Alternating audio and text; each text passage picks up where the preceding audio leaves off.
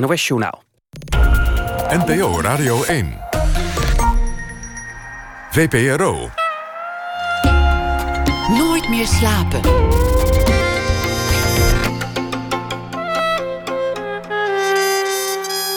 Met Pieter van der Wielen. Goedenacht en welkom bij Nooit meer slapen. Zometeen een gesprek met Fien Trog over haar film Home. Na één uur komt ook Rosanne Philippens op bezoek. Zij is violiste met een zekere bekeringsdrang. En ze organiseert een salon in Amsterdam waar ze vertelt over de muziek. En Erik-Jan Harmens zal deze week elke nacht een verhaal voorlezen bij de voorbije dag. Maar we beginnen met Connie Palme. Het is deze week de Boekenweek en zij schreef het essay dat erbij hoort. De zonde van de vrouw. Vier biografische schetsen van vier beroemde vrouwen. Marilyn Monroe, Marguerite Duras en Jane Bowles en Patricia Highsmith. Er verschijnt ook een bundel van essays die ze in, het, uh, in de loop van haar schrijvende leven heeft gemaakt. En alle favoriete thema's komen daar wel in langs: schrijverschap, filosofie, liefde, dood, eenzaamheid en de psyche. Connie Palme, geboren in 1955, groeide op in Limburg, studeerde filosofie, schreef een scriptie over Socrates. Als schrijver debuteerde ze zeer succesvol in 1991 met het boek De Wetten. Inmiddels zijn we zes romans verder, een paar novelles, een logboek van een onbarmhartig jaar.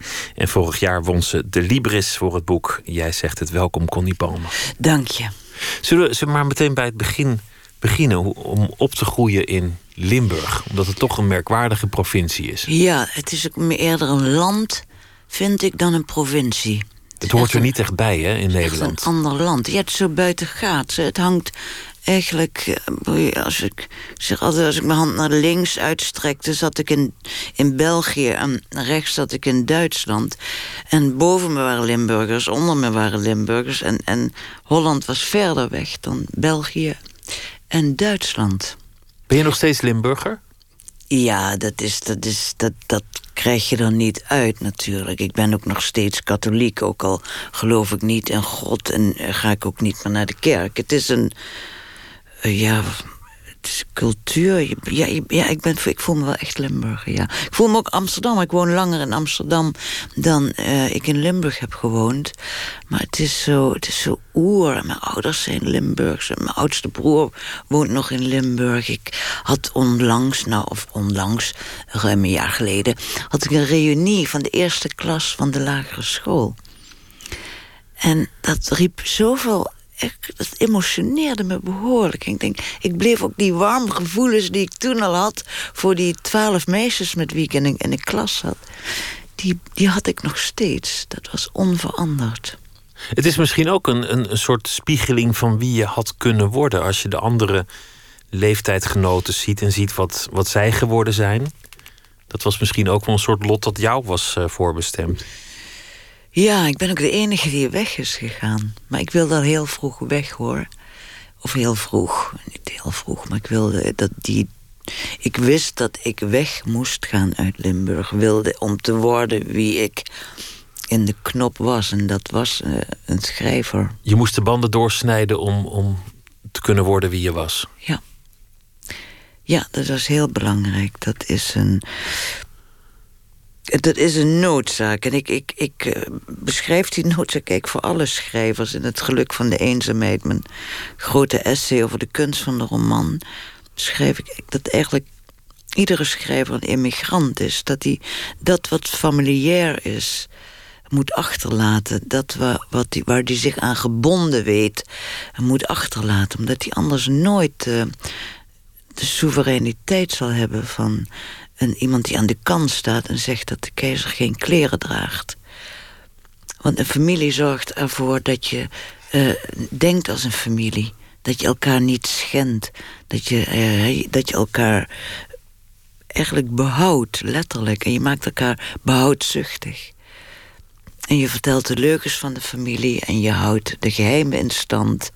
En dat kun je als schrijver allemaal niet permitteren. Dus je moet breken zonder per se uh, ruzie te maken... of zonder minder te gaan houden van die mensen. Maar je, moet alleen gewoon weggaan. Je kunt niet het verhaal vertellen dat mensen van je willen horen... of het verhaal onderschrijven dat nou eenmaal aanvaard is...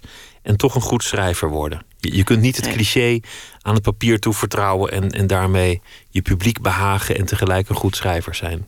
Nee, dat gaat niet. Gaat niet. Je moet... Uh, tenminste, je moet, je moet... Het klinkt allemaal nogal apodictisch... maar de schrijver die ik wil zijn... is een schrijver die ontdekkingen doet, die onthult, die ook blootlegt in zichzelf. Het begint allemaal met, met een niets ontziend zelfonderzoek.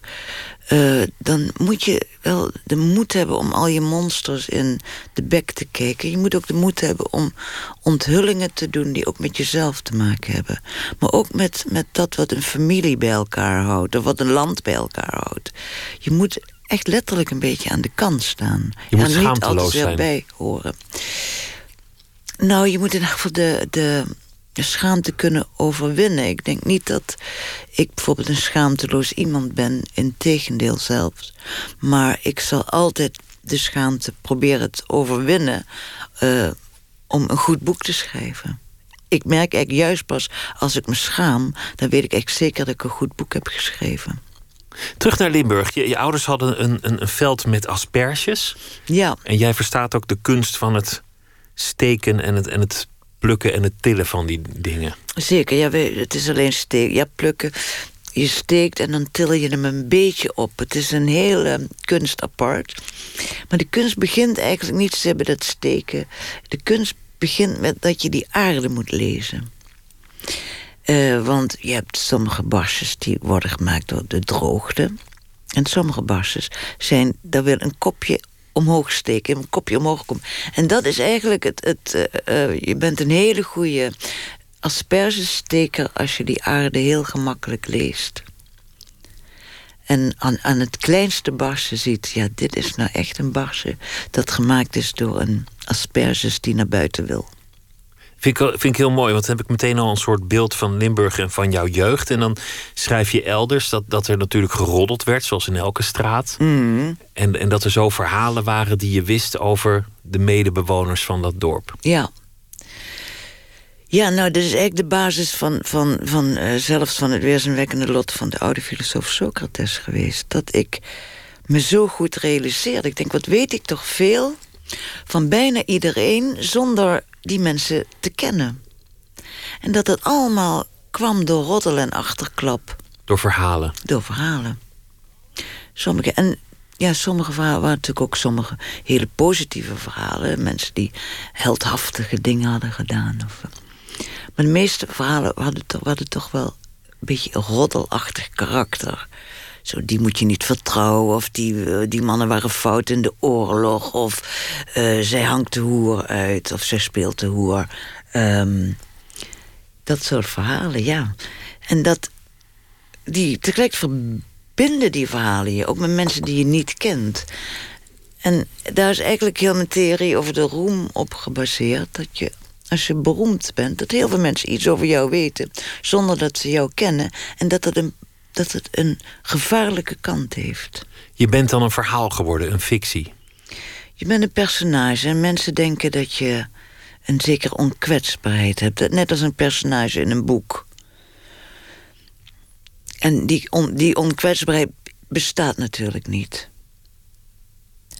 Ben jij zelf een verhaal geworden of heb je van jezelf een verhaal gemaakt door, door weg te gaan, door die banden deels door te snijden, door, door elders jezelf opnieuw uit te vinden?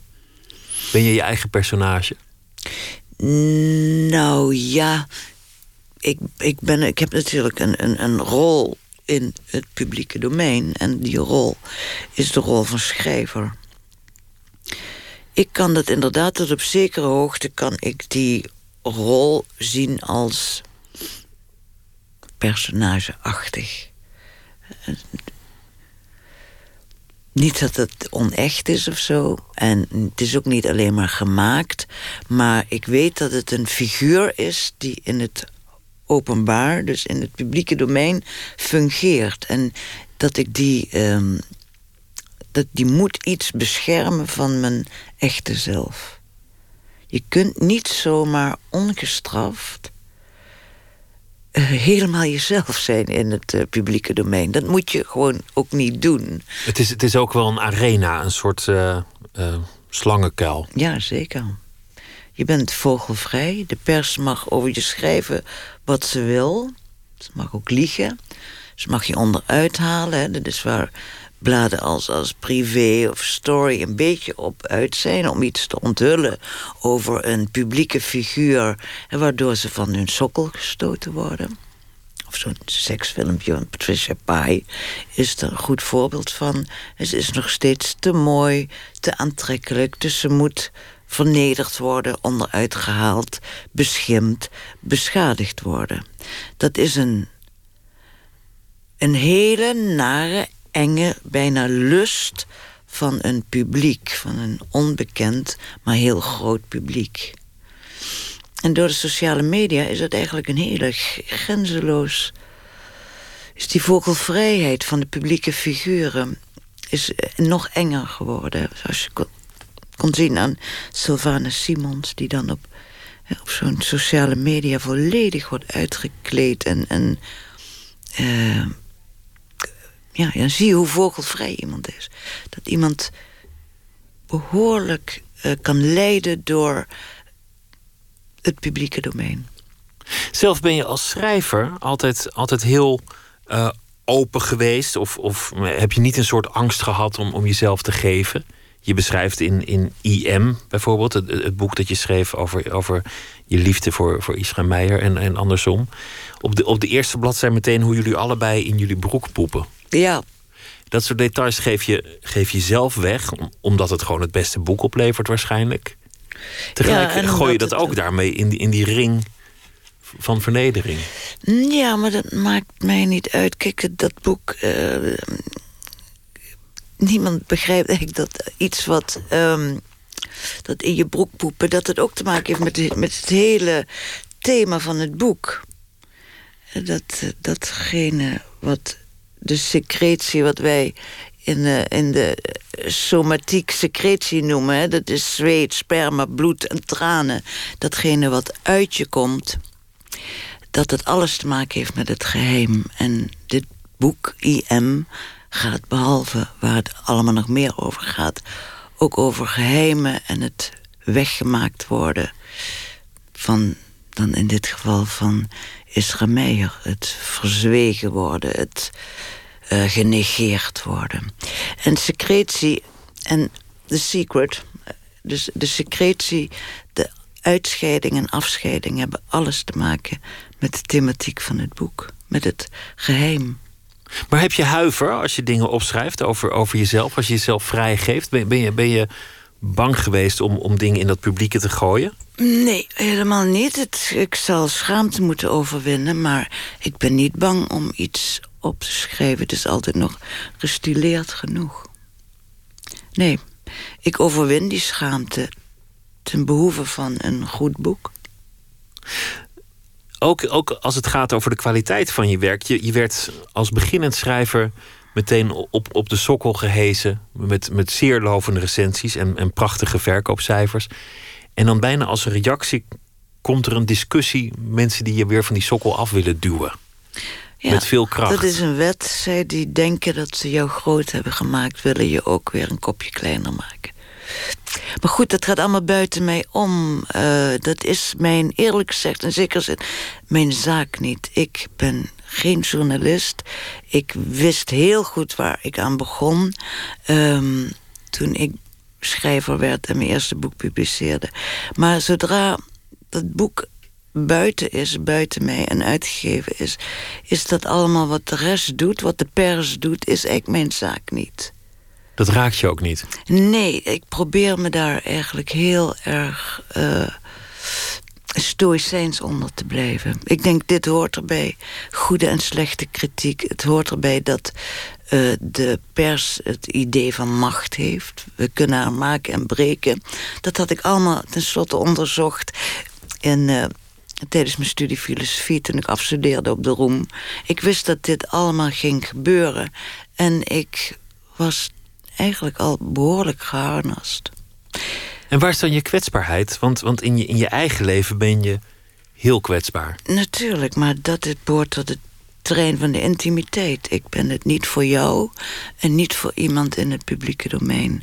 Ik, ben natuurlijk, ik blijf heel kwetsbaar, ik ben vogelvrij. Iemand kan me ook neerschieten, neersteken. Eh, iemand die zo'n woede of haat tegen me ontwikkelt. Overigens wat ik me altijd nog iets wat ik me heel goed kan voorstellen. Dus ik blijf in die zin, ik blijf fysiek kwetsbaar, maar uh, psychisch niet.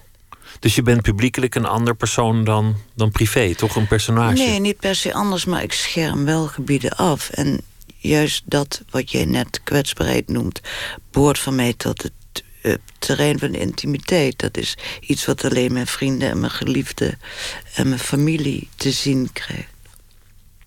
Ik kan me wel voorstellen waarom Socrates jou fascineert. Want, want hij vertelde de verhalen die niet pasten in het plaatje. Hij was zeg maar deel van een dorp. En in dat dorp vertelde hij andere waarheden dan de waarheden die golden. En dat kwam hem uiteindelijk op de gifbeker te staan. Ja.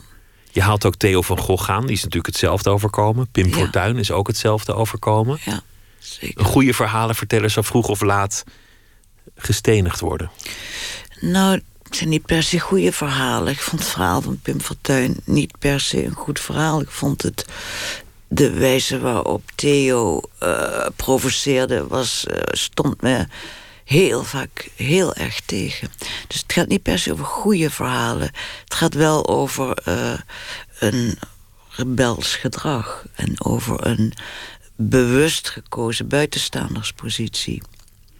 En dat gold zeker voor, voor Fortuyn. Dat gold ook voor Theo van Gogh. Het gold ook voor John F. Kennedy. Voor John Lennon. Allemaal vermoorde mensen. Maar ze zijn allemaal vermoord omdat ze beroemd waren. Waarom fascineert roem jou? Want, want de, de, de bundel met de vier schetsen die gaan over personen, maar ze gaan net zo goed over roem. Over, over de afdruk van die personen in het publieke geheugen. Ja. Nou ja, omdat roem is, is een heel interessant fenomeen. Het, het, zet iemand buiten een, een gemeenschap. Het, uh, het ja, het is een teken van talent. Talent is ook heel interessant. En het is uh, gevaarlijk. Het gevaarlijke van de roem interesseert me eigenlijk het meest. Dus dat je in een, een, een, een, de wereld zo groot wordt... er zoveel mensen over je oordelen die jou niet kennen... dat vind ik er fascinerend aan. Ik vind ook het het rebels. En zeker in die vier biografische essays in De Zonde van de Vrouw... is het vooral ook die, die soevereiniteit van deze vrouwen die me interesseert. Dat ze eigenlijk een andere vrouw hebben geschapen. Dat ze niet zozeer zich hebben zitten wachten totdat God hun deze vrouw schiep. Maar dat ze zichzelf als het ware hebben geschapen om dat hele gevaarlijke publieke domein te betreden. Voor Marilyn Monroe is dat denk ik het duidelijkste. Je kunt zelfs op een punt komen dat je kunt afvragen of de persoon die wij denken te kennen als Marilyn Monroe wel bestaan heeft. Of er zelfs iets is dat maar in de buurt komt daarvan. Ja, ja ik vind Monroe ook wel het, de blauwdruk van een beroemd iemand. Ik geloof niet dat ik een beroemdere vrouw ken een iconischere vrouw, een zo vaak afgebeelde vrouw. Want ik was er zo op gespitst. En waar ik ook was, in Duitsland, in Frankrijk, in, in uh, overal enorme afbeeldingen van uh, Marilyn Monroe. En kijk, Maria is natuurlijk ook heel beroemd, maar die tref je dan eigenlijk voornamelijk in kerken aan. Dus in een heel, heel uh, beperkte ruimte. Maar Monroe hangt overal. Dat zijn denk ik de twee beroemdste vrouwen uit de geschiedenis. Marilyn Monroe en, en Maria. Nou, Maria is geen geschiedenis. Het is niet eens zeker of ze een historische figuur is.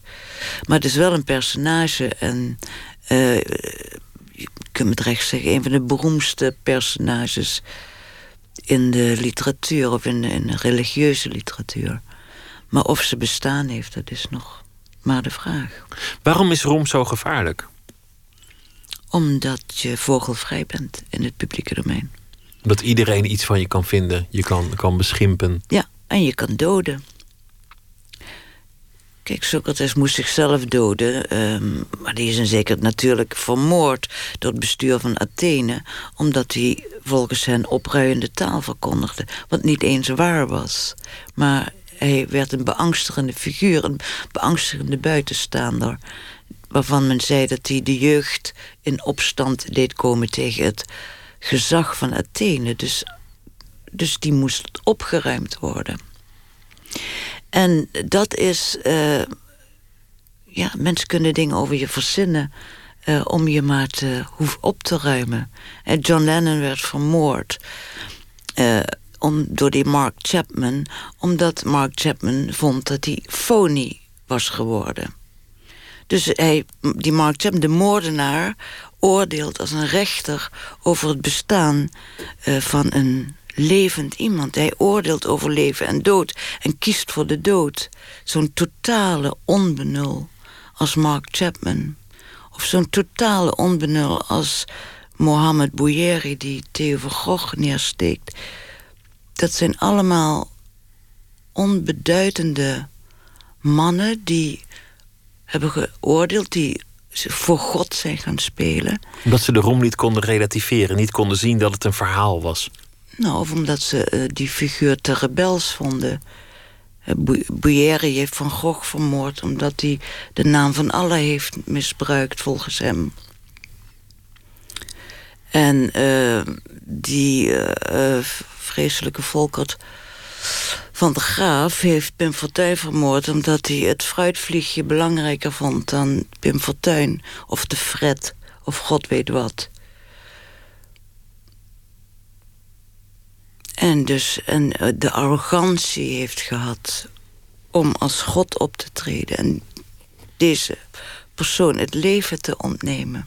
Dit gaat allemaal over, over de kracht van, van een goed bedacht personage... over de kracht van een verhaal en over hoe belangrijk woorden zijn en, en personages voor, voor ons functioneren, voor onze mm. samenleving, voor ons zelfbeeld. En dat bewijst allemaal de kracht van de literatuur. Ook al vond het niet allemaal strikt plaats in het domein van de literatuur, dat is wel waar het over gaat. Ja, daar gaat het over. En niet alleen over de literatuur hoor, het gaat ook over, gewoon over de dorpsschoddel of uh, het krantenartikel. Het uh, besef dat fictie of het geschreven woord uh, zo angstaanjagend machtig is. En als schrijver ben je natuurlijk vooral bezig met, met woorden en met taal... en uh, met iets te maken wat nog niet gemaakt is. Dus het, ik, is wel wat om je te realiseren... hoe, hoe angstaanjagend groot de macht van het woord is. Je had als beginnend schrijver een enorme interesse in de filosofie, want daar kwam je vandaan. Dat had je gestudeerd. Later is dat volgens mij een beetje verschoven naar de psychiatrie. Had je psychiater kunnen of willen worden? Nee hoor, dan had ik eh, elke dag mensen moeten zien. En dat wil je juist niet? Nee, dat wil ik absoluut niet. Maar mensen onder de loep nemen die je niet hoeft te zien... Dat, dat is volgens mij wel een, een, een geneugde. Ja, maar dat is, ja, dat is iets anders. Maar de, de, kijk, de filosofie is eigenlijk de bedding geweest voor de psychologie en de psychiatrie. Is daaruit voortgekomen. Alleen. Dus is, er is heel veel verwantschap tussen de, de filosofie en de psychologie. Eh, maar als schrijver ben je natuurlijk geïnteresseerd in de psyche van de mensen. Ik zou geen personages kunnen scheppen als ik daar niet een grote belangstelling, grote interesse voor had. Maar nu doe je het met bestaande figuren waar je dan uh, psychische oordelen aan ophangt. Ja, maar dat heeft te maken met wat, wat al heel vroeg mijn onderzoeksterrein was in de roman. Uh, uh, dat is namelijk de biografie het geschreven leven, het beschreven leven. En dat komt natuurlijk voort uit die belangstelling voor Socrates, het lot van Socrates. Dat hij door verhalen die over hem verteld zijn, die werden nog niet opgeschreven, maar dat die hem, dat die zijn ondergang bewerkstelligde. Maar je hebt ook een heel groot uh, gebied in de literatuur namelijk de biografie waarin over mensenlevens of over mensen geschreven wordt bio, het leven, grafie, het beschreven leven.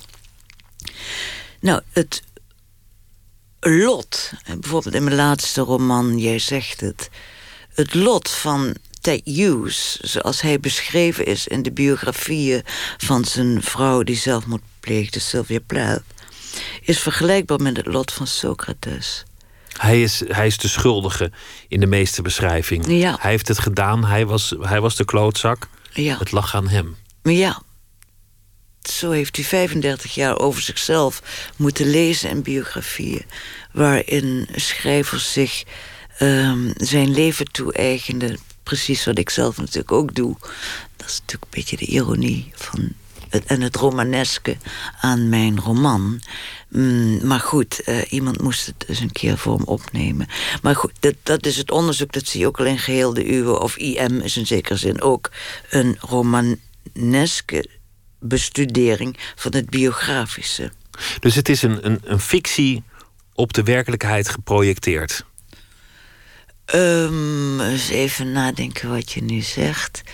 Uh, nee, het is van een werkelijkheid, dus van bestaande levens, een roman maken. Uh, en daarbij bestudeer ik voortdurend wat fictie is. Dat doe ik ook in elke roman. Dat is nu eenmaal een hang-up van me. Dat het fictiebegrip, daar zou ik heel graag... Een, daar wil ik altijd graag aan morrelen. Maar door, door te willen weten wat fictie is... wil je eigenlijk ook weten wat waarheid is. Zo is dat, ja. En dan uh, schrijf ik al heel vroeg... met de waarheid wordt het nooit wat. Zeker niet als we, als we gaan schrijven en als we gaan praten. De waarheid is uiteindelijk niet zo interessant. Ik bedoel, hier staat een, een blikje met spaarwater... en dit is een kan water. Ja. Als je daar niet een verhaal bij bedenkt... dan, dan is het niks. Ik kan nu zeggen ja. dat dit een Duchamp is... en als ik dat heel overtuigend doe... dan is het een heel interessante kan met water geworden. Ja. Nee, een, een waarheid op zich is niets. Ja, kijk, of, je, of een feit, überhaupt feiten zijn eigenlijk niets. Niets zeggend ook. Eh, kijk, het kan een feit zijn dat je je bijvoorbeeld eh, heel ernstig verbrandt aan een kachel. Dan heb je een enorme littekens, maar het wordt pas een verhaal als je zegt: Mijn broertje heeft me geduwd.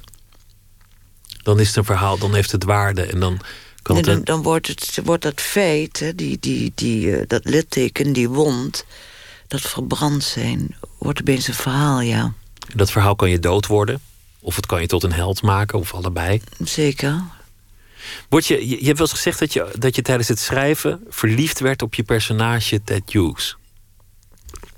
Dat vond Ja, ik nou, het kwam een beetje uit verliefdheid voort. Ik was al. Ik voel me. Ja, het is. Het is kijk, het, hoe moet ik dat uitleggen?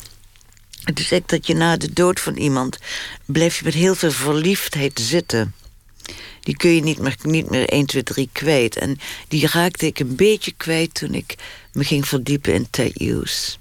Toen kon je die, die liefde die er nog was, maar die geen bestemming had, die kon je over Ted Hughes heen Ja, eh, ja, gooien. ja, het was. eh, maar ik had het ook nog niet eerder beleefd hoor. Dat op die manier zo verliefd worden op een personage. dat je tegelijkertijd ook zelf aan het scheppen bent. maar dat ook een, een, een werkelijkheid heeft.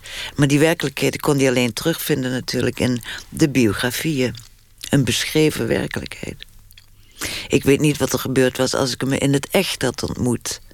Maar ik heb wel gelezen in sommige biografieën dat er vrouwen waren die flauw vielen als ze hem zagen. Zo'n enorm erotische en seksuele aantrekkingskracht had hij. En dat kon ik me natuurlijk allemaal heel goed voorstellen. Je zegt alle schrijvers zijn migranten. Je moet de banden doorsnijden. Je moet niet je houden aan het verhaal van de gemeenschap. Je moet dat gevaar opzoeken. Is eenzaamheid voor jou belangrijk? Ja, zeker. Die, komt, die vloeit daar natuurlijk voor een deel uit voort. Dus die hoort ook eigenlijk bij een hele bewuste keuze. Maar ik noem het niet voor niets in die essaybundel het geluk van de eenzaamheid. Het is ook het, eh, het geluk van het lezen, het geluk van het. eh, ja, het. het ja, van het van het niet bij een groep horen kan een heel groot geluksgevoel bezorgen. Het geeft je een gevoel van soevereiniteit, of die nu terecht is of niet. Die eh, heel prettig is. Die een, eh, een, ja, De autonomie, die vind de je fijn. Ja, die vind ik heel fijn. Ook al ehm, weet ik dat die voor een deel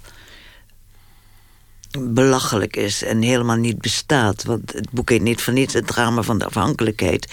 Ik voel me een heel afhankelijk wezen. Maar ik heb tegelijkertijd ook een mate van autonomie verworven. Op, verworven op dat afhankelijke bestaan.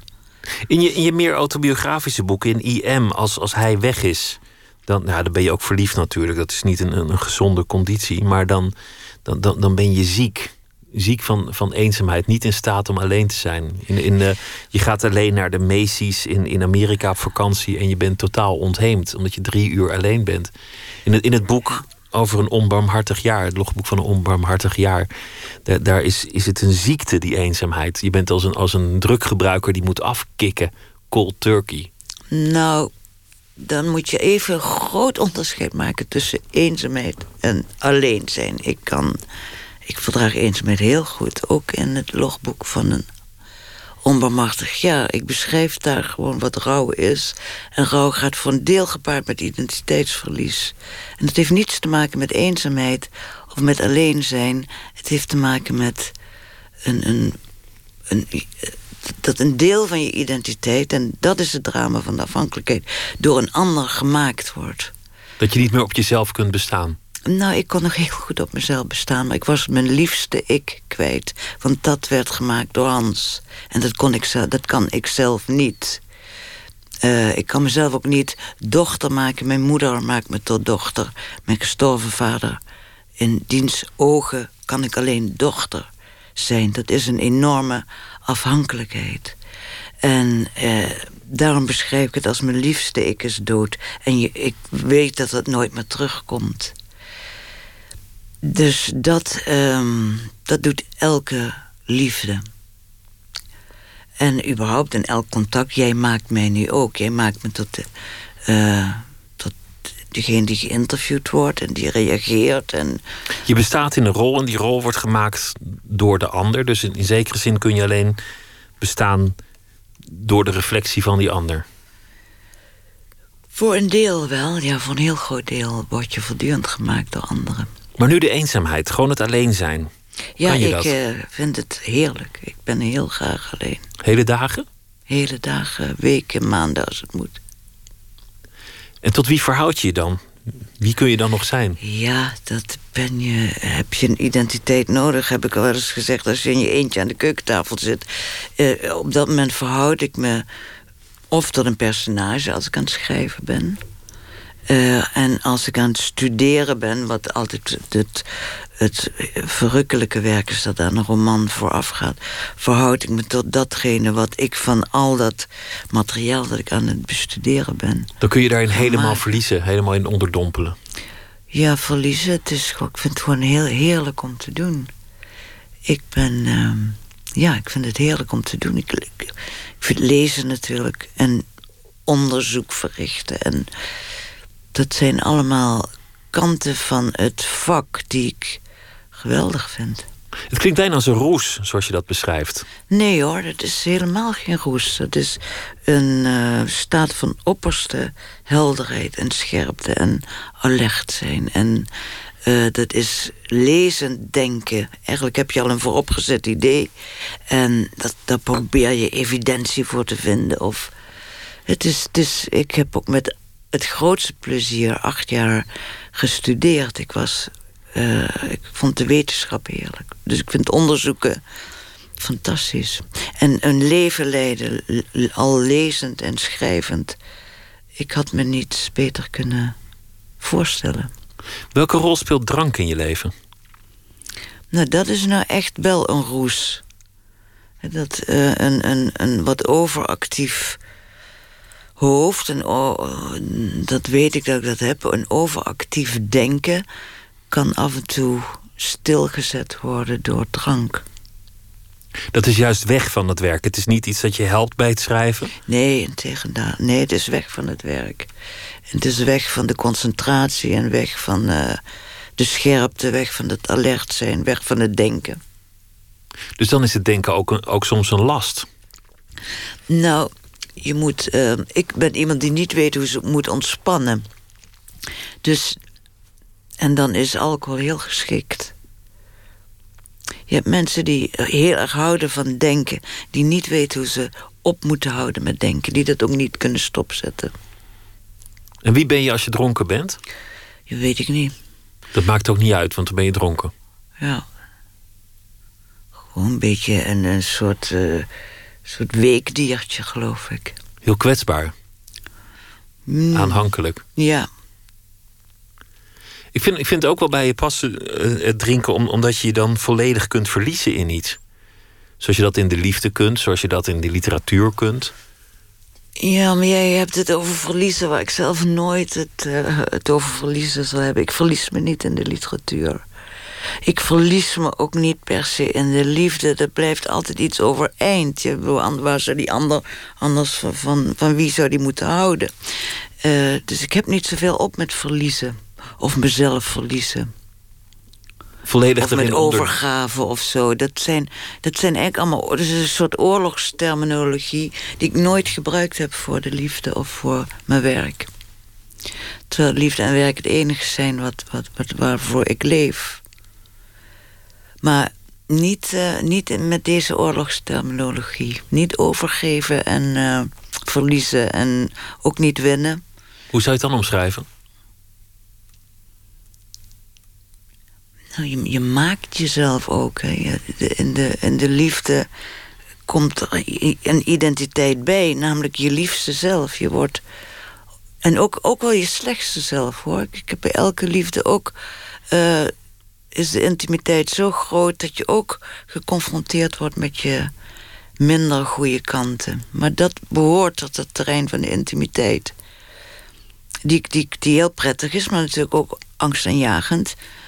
En in het werk heb ik precies hetzelfde. Schrijven is ook altijd een ontdekkingstocht, een onderzoek, een, een heel onthullend iets. Je bent bezig met ook voor jezelf iets te onthullen.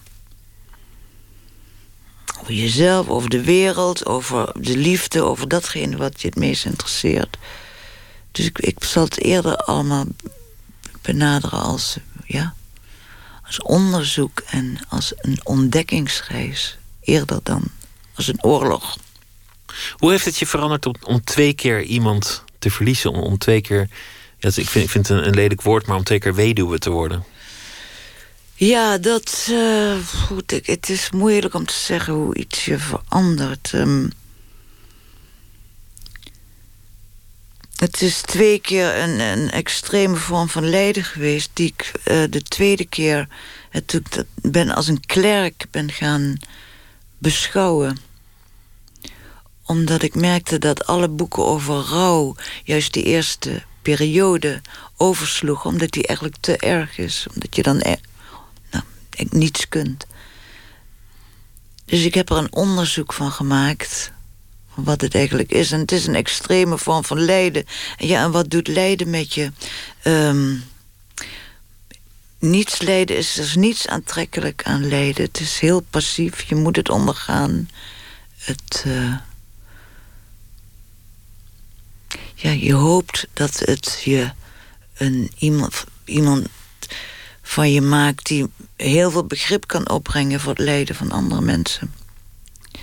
Het moeilijk aan dat beschrijven, en, en, en dat, dat maakte dat, dat logboek ook zo'n uh, interessant en aangrijpend boek was dat, dat je datgene dat niet te beschrijven is, aangaat. Je gaat de strijd ermee aan om dat toch in woorden te krijgen, waarbij je die clichés vermijdt. Ja, dat heb ik in elk geval wel geprobeerd om het zo te doen. Maakt dat het moeilijker als je, als je het mes in je eigen lijden moet zetten? Om er iets van te maken? Mm, Nee, het was, wel, het was wel een ontdekkingstocht ook.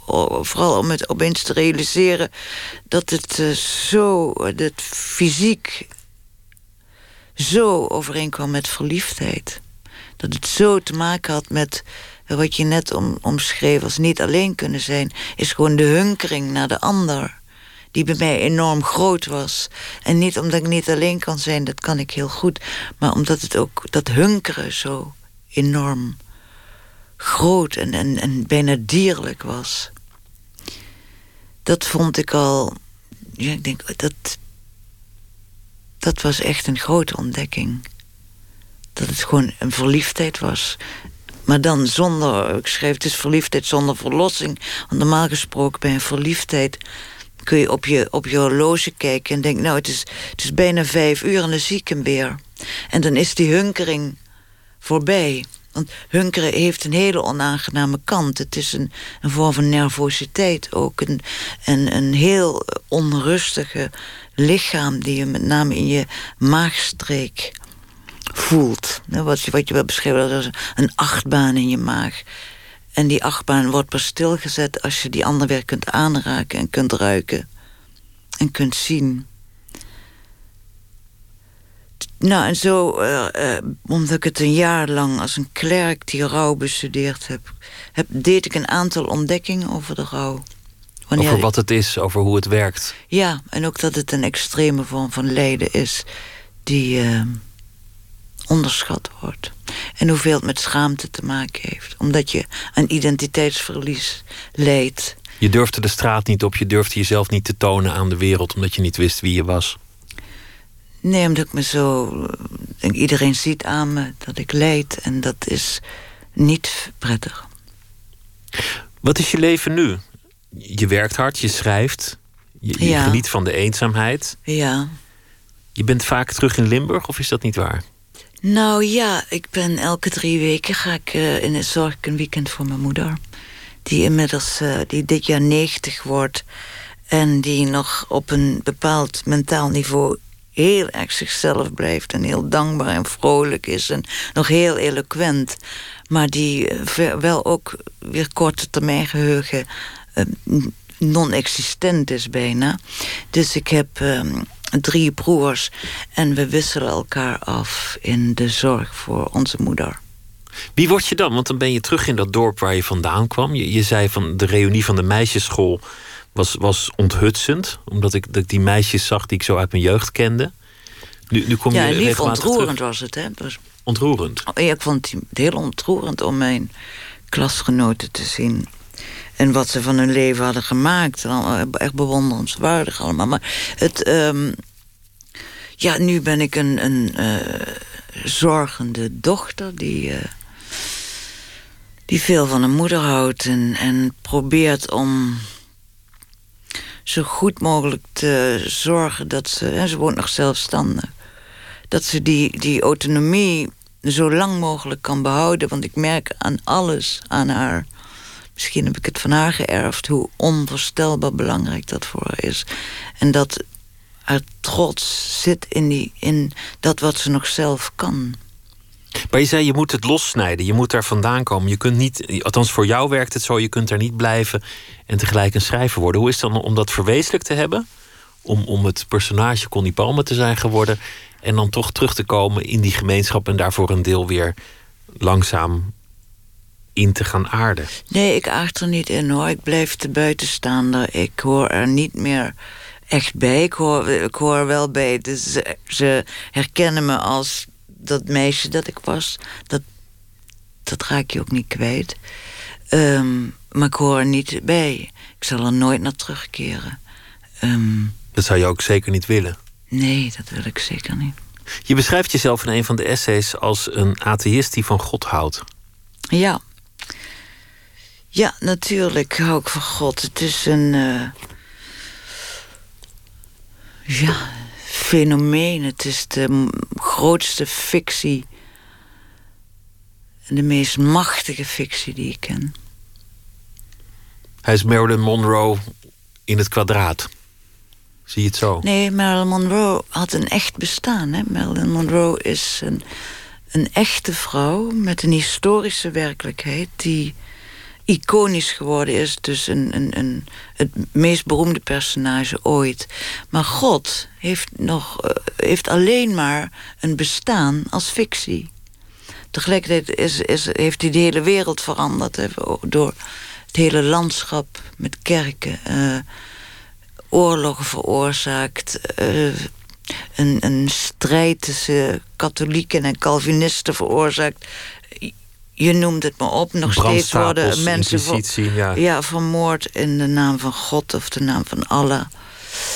Dus, dus je kunt wel zeggen dat dat een hele machtige personage is. Maar in, voor mij, de atheïst, een volkomen bedacht personage zonder enige historische werkelijkheid. En waarom hou je dan van dat personage?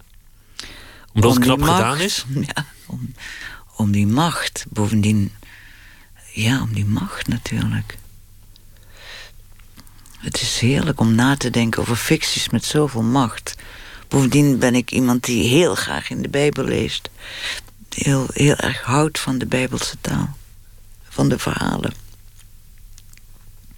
Die vier vrouwen die je schetst eh, in, in, in de bundel met essays, die, die zouden eigenlijk, toen ik het las, dacht ik, je hebt zoveel onderzoek ernaar gedaan, die zou van alle vier een roman kunnen maken. Dit, dit had alle vier een, een roman kunnen worden. Ja, daar heb ik niet aan gedacht, want ik, dat heb ik natuurlijk al gedaan met een vrouw die exact dezelfde biografie heeft, namelijk Sylvia Plath. Ehm, die heeft alle patronen wat ik blootleg in deze essays. De vroege dood van een vader, het geheel ontbreken van de vader. eh, een complexe verhouding met een neurotische of overbezorgde moeder. Eh, de, het andere naam bedenken om het publieke domein mee te betreden. Het creëren van een figuur die, die, die, die eh, dat publieke domein aan kan. Dus dat zijn ook allemaal kenmerken van de biografie van Sylvia Plath. Dus vandaar... eh, Het zou Dus ik heb- overbodig ik zijn heb om het al te doen. gedaan, ja. ja. ik heb het al gedaan, dus mijn volgende roman moet weer eens... Weer eens iets, Iets anders, anders, worden.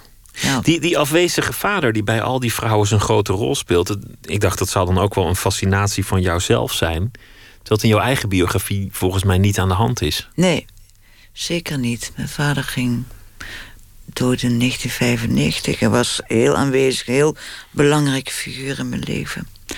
Maar ik verbind het in die essays ook met de grootste afwezige vader eh, van allemaal, en dat is God zelf. Dat is een, voor mijn oerafwezigheid.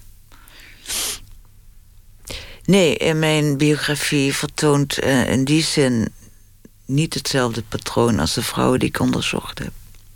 Maar als God een afwezige vader is, dan, dan kunnen er zoveel vaders aanwezig zijn, af, afwezig zijn natuurlijk. Ja, Kan het ook gaan over het vader- gezag of de, Ja, of, of, de beste vriend of de, de, de geborgenheid in algemene zin. nee, het gezag is wel belangrijk. Ik denk dat eh, als je heel vroeg een vader verliest. Zeker vrouwen. Vrouwen hebben natuurlijk een andere band met een vader dan, dan mannen. Maar dat vroege verlies van een vader eh, zou Freudiaans uitgelegd worden als het vroege verlies van iemand die de wet stelt. Iemand die voor jou de wet vertegenwoordigt. En je ziet dat al deze vrouwen een zekere wetteloosheid koesteren. Een zekere. Dat ze de. Zoals Marilyn Monroe zegt: als ik maar al, alle regels had gehouden. eh, had ik het nooit zo ver kunnen schoppen. Wat jij ook min of meer over jezelf zei aan het begin van dit gesprek. Nou, ik ben niet zozeer een rebels iemand hoor. En het breken met je, wat je familiair is, breken met je familie, met je land, met je taal, is iets anders dan eh, per se rebellie. Schrijven is toch al een vorm van rebellie? Ja, ik denk wel dat je het nodig hebt, dat je wel re- rebels moet denken. Het moment dat je zegt dat je schrijver wordt, zijn er al zoveel mensen die, die, die potentieel kunnen gaan proesten of, of hoofdschudden. Dat, Ja. dat alleen dat doen, alleen al je manuscript inleveren bij een uitgever, is, is een enorm rebelse daad. Nou, het is een daad van moed. Eh, de rebellie toont zich vooral in de moed om te denken. In de inhoud van je boeken, in de originaliteit van je stijl, de originaliteit van de verbindenissen die je kunt leggen tussen al bestaande. bestaande, ja, hoe noem je dingen, entiteiten, ideeën. Dat, daarin ligt ook de originaliteit van elke wetenschapper. Alles bestaat al, maar niet alles is op een originele manier met elkaar verbonden. En een, een schrijver toont met name zijn, zijn moed in ja, de originaliteit van zijn denken en ook van zijn stijl. Heeft zich wel eens iemand gemeld die jouw biografie zou willen schrijven? Nee, Hoe zou je dat vinden als iemand dat zou doen? Zou je schrikken? Zou je hem de deur wijzen? Zou je die, die dichtsmijten? nee, zo onaardig ben ik niet. Maar ik zou hem heel snel duidelijk maken, of zij of hem, dat ik daar niet aan meewerk. Bij mijn leven. Dat kan het niemand verbieden. Het is een vrije daad. En, maar het zou geen geautoriseerde biografie worden. En ik zou ook mijn archief niet ter beschikking stellen. En ik denk dat ik ook aan mijn familie zou vragen om niet mee te werken aan een biografie. Dat vind ik interessant, omdat je zelf wat zo'n enorme fascinatie voor, voor de biografie hebt gehad. Zeker, maar die heb ik ook voor als wetenschapper. En ik heb, die, ik heb ook met ongeveer met iedereen over wie een biografie geschreven wordt, ook een vorm van mededogen. Maar het moet niet bij je leven gebeuren. Dat is een. Dat is zelden aangenaam. Kijk, en als je dood bent, ja, dan ligt daar een leven dat ook tot op zekere hoogte vogelvrij is. Dat geïnterpreteerd kan worden en geduid. En, en, maar zolang je er zelf nog bent, zou je geen, geen personage willen zijn. Nou ja, je bent, ik ben natuurlijk al een personage. Maar als mensen over me praten, ben ik al een personage. Maar ik zou niet het onderwerp willen zijn van een biografie. Ik denk dat ik dat heel onaangenaam vind, zou vinden, ja. In het begin eh, ging het in je boeken vaak over mensen die, die zochten naar de werkelijkheid of de, of de kern van het leven. Hoe te leven, hoe je dat moet doen, hoe je daar richting aan zou moeten geven. Ja. Het, het, het, het woord dat je gelukkig niet gebruikt is zingeving. Maar, maar dat zou er misschien wel oppassen. Het lijkt wel alsof in je, in je boeken tegenwoordig het veel meer gaat alsof het leven zich voltrekt. En hoe mensen daarin volgen. Alsof het, alsof het niet meer is dat ze zoeken naar een soort diepgaande reden daarvoor. Of, of hoe ze het moeten doen, maar meer hoe het ze overkomt. Nou, dat weet ik niet. Het is. Uh, ik denk dat het geluk van de eenzaamheid, wat toch een voor na laatste essay is dat ik geschreven heb, gaat heel veel over zin. De zin van het leven. Ook moet ik zelf altijd lachen als ik deze zin uitspreek. Maar, um, en Omdat je er niet in gelooft? Nee, natuurlijk niet. Ik, ik, ik, heb ook altijd die uitspraak... Uh, wees blij dat het leven geen zin heeft. Heel begrijpelijk en ook heel grappig gevonden. Um, en toch is er iets...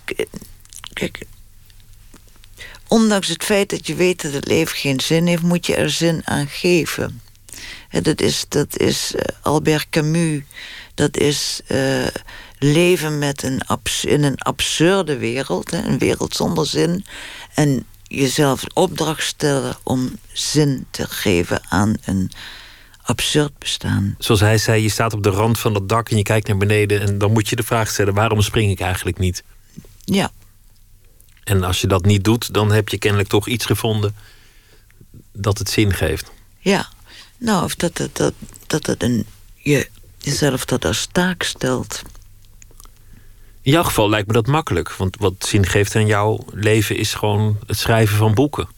Zeker. Een nalatenschap. Ja, nee, dat is ook zo. Was dat het belangrijkste tot nu toe? Liefde en werk waren tot nu toe het belangrijkste en zullen dat ook altijd zijn, ja. In werk ben je succesvol geweest en, en in de liefde ben je ook wel succesvol geweest, maar heb je ook wel, ook wel pech gekend? Of zie je nou, dat niet zo? Nee, ik zie dat eigenlijk alleen in het geval van Isra zo. Dat als Isra langer had geleefd, waren we ook langer bij elkaar geweest. En zo'n plotselinge dood een hartaanval, dat verwacht je niet als je elkaar... Uh, alhoewel ook twaalf jaar ouder was... maar je verwacht niet dat iemand zo jong sterft op zijn 52e verjaardag. Bij Hans was het natuurlijk iets anders. Hans was al aanzienlijk ouder uh, toen ik hem ontmoette. En met een beetje realiteitsbesef wist ik... Uh, lag het niet per se voor de hand, kon van alles misgaan in het leven... maar het lag meer voor, eerder voor de hand dat Hans eerder zou sterven. En uh, dan ik. Nou ja. Dat is nog steeds pech, toch? Nou ja. Ja, pech. Ik, ik, ik, ik, ik, denk er zo niet over. Ik, ik vind het geen leuk, fijn lot. En ik had heel graag gewild dat hij honderd was geworden. Maar dat het ook weer een heel ander leven op. Ik heb, ik heb zoveel gelukkige... Meer dan elf jaar ben ik zo gelukkig geweest met Hans. Dat ik heb eerder de neiging om daar aan te denken... dan, uh, dan te denken, wat heb ik pech gehad. Zo zit ik blijkbaar niet in elkaar. Want dat heb ik nog geen seconde gedacht. Ik vind dat Hans pech heeft gehad, want eigenlijk is de aandoening waaraan hij overleden is, is uh, kwam door een, verkeerde bloedtransfusie, waarin zich het hepatitis destijds nog non-A, non-B, later heet het hepatitis C-virus bevond. Dat is nog eens pech hebben. Doodgaan aan longkanker als je nooit hebt gerookt, vind ik ook nogal pech hebben. Marie zijn oudste dochter die tot drie keer toe kanker kreeg. Dat vind ik pech hebben. Ik vind de dood van een geliefde geen pech. In die zin heb je dus een gelukkig bestaan tot nu toe.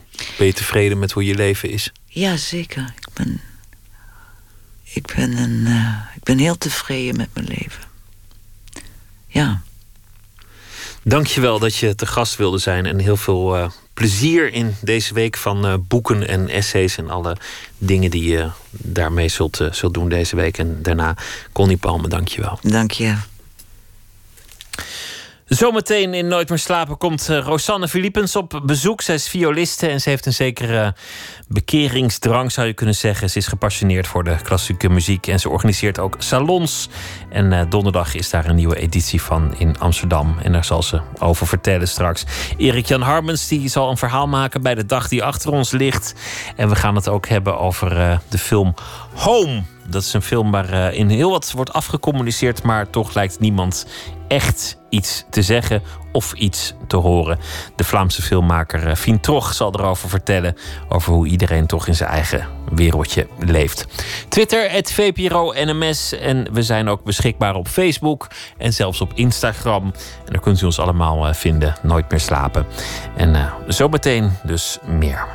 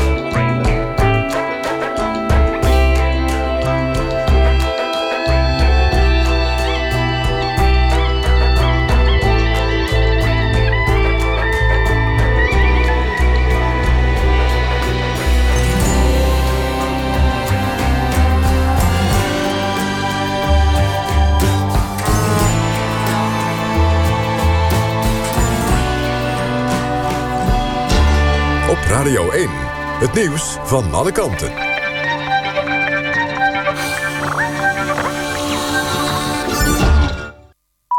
1 uur, Mark Hokker met het NOS-journaal. Het dodental van de aanslag in Londen is opgelopen tot vijf. Een van de mensen die op de Westminster Bridge werd aangereden is overleden. Ook twee andere burgers en een agent kwamen om. De vijfde dode is de vermoedelijke dader. De politie in Londen zegt dat er 40 gewonden zijn van wie er enkele slecht aan toe zijn.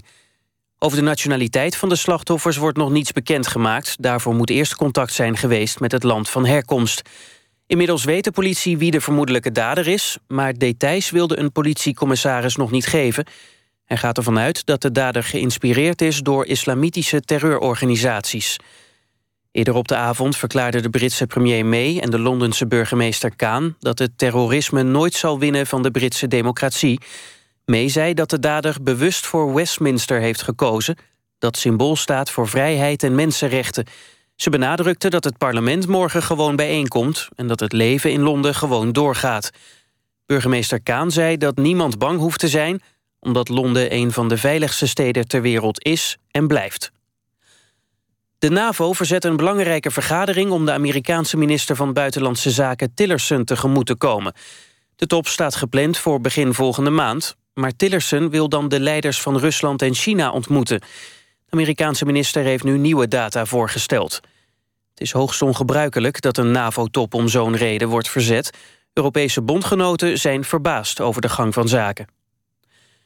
De dochter van de vrouw die afgelopen dag is veroordeeld wegens kindermishandeling... is alsnog met spoed uit huis geplaatst. Het meisje uit Arnhem werd op driejarige leeftijd mishandeld.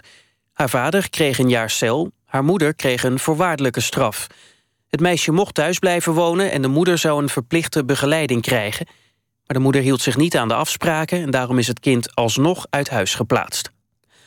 Het weer, opklaringen, al is in het zuiden meer bewolking aanwezig. De temperatuur zakt naar 1 tot 4 graden. Overdag is het opnieuw vrij zonnig. Het blijft droog bij maxima van 15 graden. Dit was het NOS Journaal. NPO Radio 1. VPRO. Nooit meer slapen.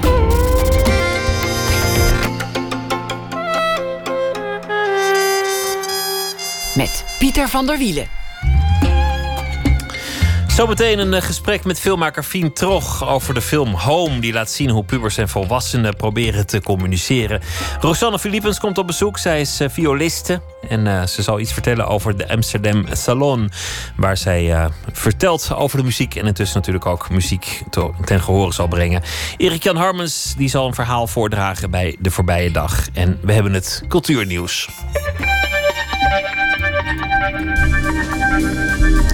Het lijkt uh, hasta la vista voor uh, Arnold Schwarzenegger. De Terminator-serie, waarin Schwarzenegger een uh, cyborg speelt, krijgt geen vervolg. De oorspronkelijke film kreeg meerdere vervolgen. Internationaal waren die allemaal succesvol. Maar Paramount, de studio die verantwoordelijk is voor Terminator, heeft alle plannen voor een nieuwe film van tafel gegooid. Zeggen bronnen rond die studio. Oekraïne weert de Russische inzending voor het Eurovisie Songfestival dat in mei zal plaatsvinden. Zangeres Joelia Samoljova zou in het eh, door Rusland geannexeerde schiereiland de Krim hebben opgetreden. En in Oekraïne is dat uh, verboden om te reizen naar de Krim over Russisch grondgebied. Dus uh, vandaar. Er is gedoe over de uitnodigingen van het boekenbal. Dat is er elk jaar wel meestal vanuit de mensen die niet genodigd zijn. En dat is ook dit jaar het geval. Uitgeverij Das Mag is boos, want uh, schrijvers Lise Spit, Walter van den Berg en Jellebrand Korstius zijn niet welkom op het bal. Omdat Das Mag weigert zich in te schrijven bij de Uitgeversbond. En dat is oneerlijk volgens de uitgeverij, omdat veel gasten worden uitgenodigd op persoonlijke titel. En inmiddels is het een hoog opgelopen discussie. De Westersingel in Rotterdam, daar stond tot voor kort een eh, beeld van eh, Rodin. Maar dat is uitgeleend vanwege een tentoonstelling in Duitsland. En kunstenaar Sil Krol die zag zijn kans schoon en dacht... ik zet daar gewoon mijn eigen beeld op. En dat staat er nu al een uh, tijdje op de sokkel... die ooit bedoeld was voor Rodin. Goeienacht, uh, Sil Krol. Hey, goeienacht. Hoe begon het? Je, je zag een lege sokkel en dacht... lege sokkel, ik heb nog wel een beeld, laten we het gewoon doen? Nou, ik had nog geen beeld, maar uh, er ontstond wel een uh, idee voor een, uh, een nieuwe sculptuur. ik fietste langs de lege sokkel op het moment dat ze het beeld van Rodin aan het wegtakelen waren. Want die ging dus voor een paar maanden naar uh, in Duitsland. Het beeld werd dus uitgeleend. En die sokkel die bleef daar leeg achter. Prachtig uitgelicht. En... Ja, toen ben ik gaan nadenken van oké, daar moet wat op. En uh, toen ben ik in mijn atelier uh, gaan experimenteren met een uh, bepaalde vorm die ik al langer in mijn hoofd heb. En ehm, dat heb ik gewoon uitgewerkt. Ik heb de sculptuur gemaakt van hout. En het is een soort spitsvormige, slanke vorm, ongeveer twee meter hoog. En die heb ik gewoon ongevraagd en zonder aankondiging op de sokkel gezet. Maar de lat lag hoog, want, want daar staat normaal een Rodin. Nou, veel, veel beroemder wordt het niet in, in de beeldhouwkunst. En nu staat er dan een, een, een werk van jou, een echte krol. Ja. Maar het staat natuurlijk op, op een toch een beetje een heilige plek. Dus, dus de lat lag hoog. Klopt, ja. Het uh, staat in een uh, soort beeldenrij. Uh, in, op de Westersingel. Dus dat is de straat die je ziet als je het station uitloopt, daar staan uh, niet de minste namen, zoals Karel Visser en Paul McCarthy en uh, Picasso ook nog een stukje verderop. Maar uh, ja, desondanks bleek het mij gewoon wel een hele uh, ludieke, of ludiek, heel grappige actie om het toch gewoon te doen. Had en, iemand het meteen door? Of, of fietsten mensen gewoon door en dachten... oh ja, er staat een beeld, er staan hier wel meer beelden? Ja, de meeste mensen die zullen denken dat het, dat het een officiële actie is. Want ik heb het ook gewoon overdag geplaatst met, met de werkkleding aan. En gewoon alsof het officieel was. Maar ehm, ik zag ook wel aan mensen dat ze toch wel vertwijfeld waren. Omdat ze natuurlijk het beeld van Rodin misten. En de tekst op de sokkel die kwam natuurlijk ook niet meer overeen met wat er plots daar stond. Nee, dat, dat kan je niet zo snel doen. En, en de gemeente, want normaal gaan er heel veel stemrondes overheen voordat een beeld in de openbare ruimte mag staan. En dit stond er zomaar ineens. Vonden ze het leuk of waren ze een beetje gepikeerd? Uh, ik, ik heb geen enkele negatieve reactie tot dusver vernomen.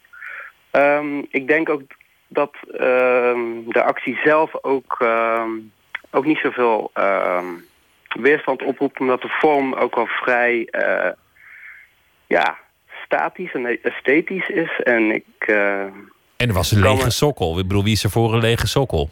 Ja, daarom. Ik, het verbaast me ook dat er ook geen, uh, geen alternatief uh, was bedacht... of dat er een andere kunstenaar uh, in het gat zou springen. En nou ja, na twee maanden was die sokken nog steeds leeg en heb ik de actie uitgevoerd. Het duurt nog even, maar binnenkort komt de Rodin weer terug uit Wuportaal. En, en hoe moet het dan met jouw beeld? Nou, dat is wel grappig.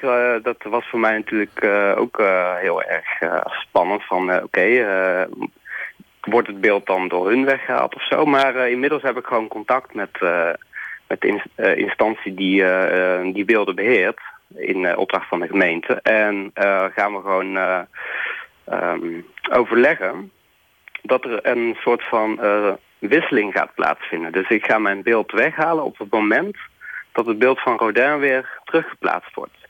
Dus het wordt ook een hele mooie symbolische gebeurtenis, hoop ik. En wat ga je dan doen met het beeld? dat beeld gaat in eerste instantie weer terug naar mijn atelier. Maar daarmee is het nog niet uh, gedaan wat mij betreft. Want ik uh, ben na, uh, na, na alle goede reacties ben ik ook wel verder gaan denken. En heb ik mijn ambities wat bijgesteld. En nou wil ik een voorstel gaan uitwerken de komende tijd om een permanente versie, maar dan uh, veel groter en hoger, dus een soort van verschaling uh, van factor 10, om hem uh, ergens in de buurt van een station te plaatsen. Gewoon weer neerzetten. Wederom niet de officiële weg. Via, nou, dit keer dan wel via een officiële okay. weg. En dat het dus werk ook uh, echt permanent blijft staan. En het is ook een beetje als een alternatief voor het, het ooit geplande kunstwerk voor het stationplein van Olivier Eliasson. Die, dat, dat, dat, dat beeld wat geprojecteerd daar was, dat riep nogal heel veel weerstand op van de, de Rotterdamse bevolking. Ik geloof dat 80% daar tegen was. En uh, ze vonden het uh, stationsplein al mooi genoeg. Dus dat is afgeblazen. En er is eigenlijk helemaal geen alternatief gekomen. En nu wil ik ook niet per se uh, een werk op dat stationsplein. Want ik ben ook zelf heel erg tevreden over die, die mooie lege ruimte. Maar een stukje verderop op het Kruisplein is een hele mooie wandelpromenade aangelegd. En daar zou die perfect kunnen staan. Daar zou die mooi staan. Maar eerst nog op de sokkel van Rodin Silkrol. Dankjewel en een goede nacht. Dankjewel. Dag.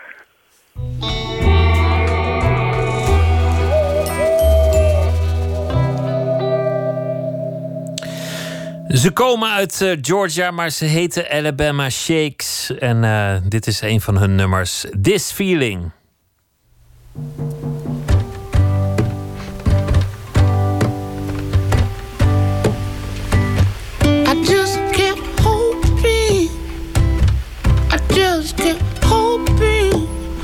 Way would become clear.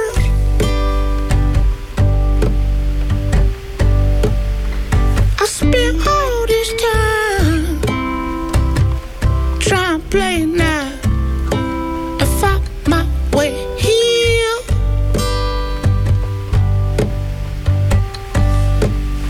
See, I've been having me a real hard time, but it feels so nice to know I'm gonna be alright.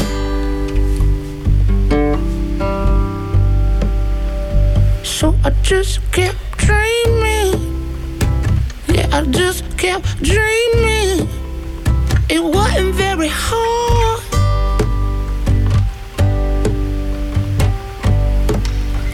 I spent all this time trying to figure out nobody on my side.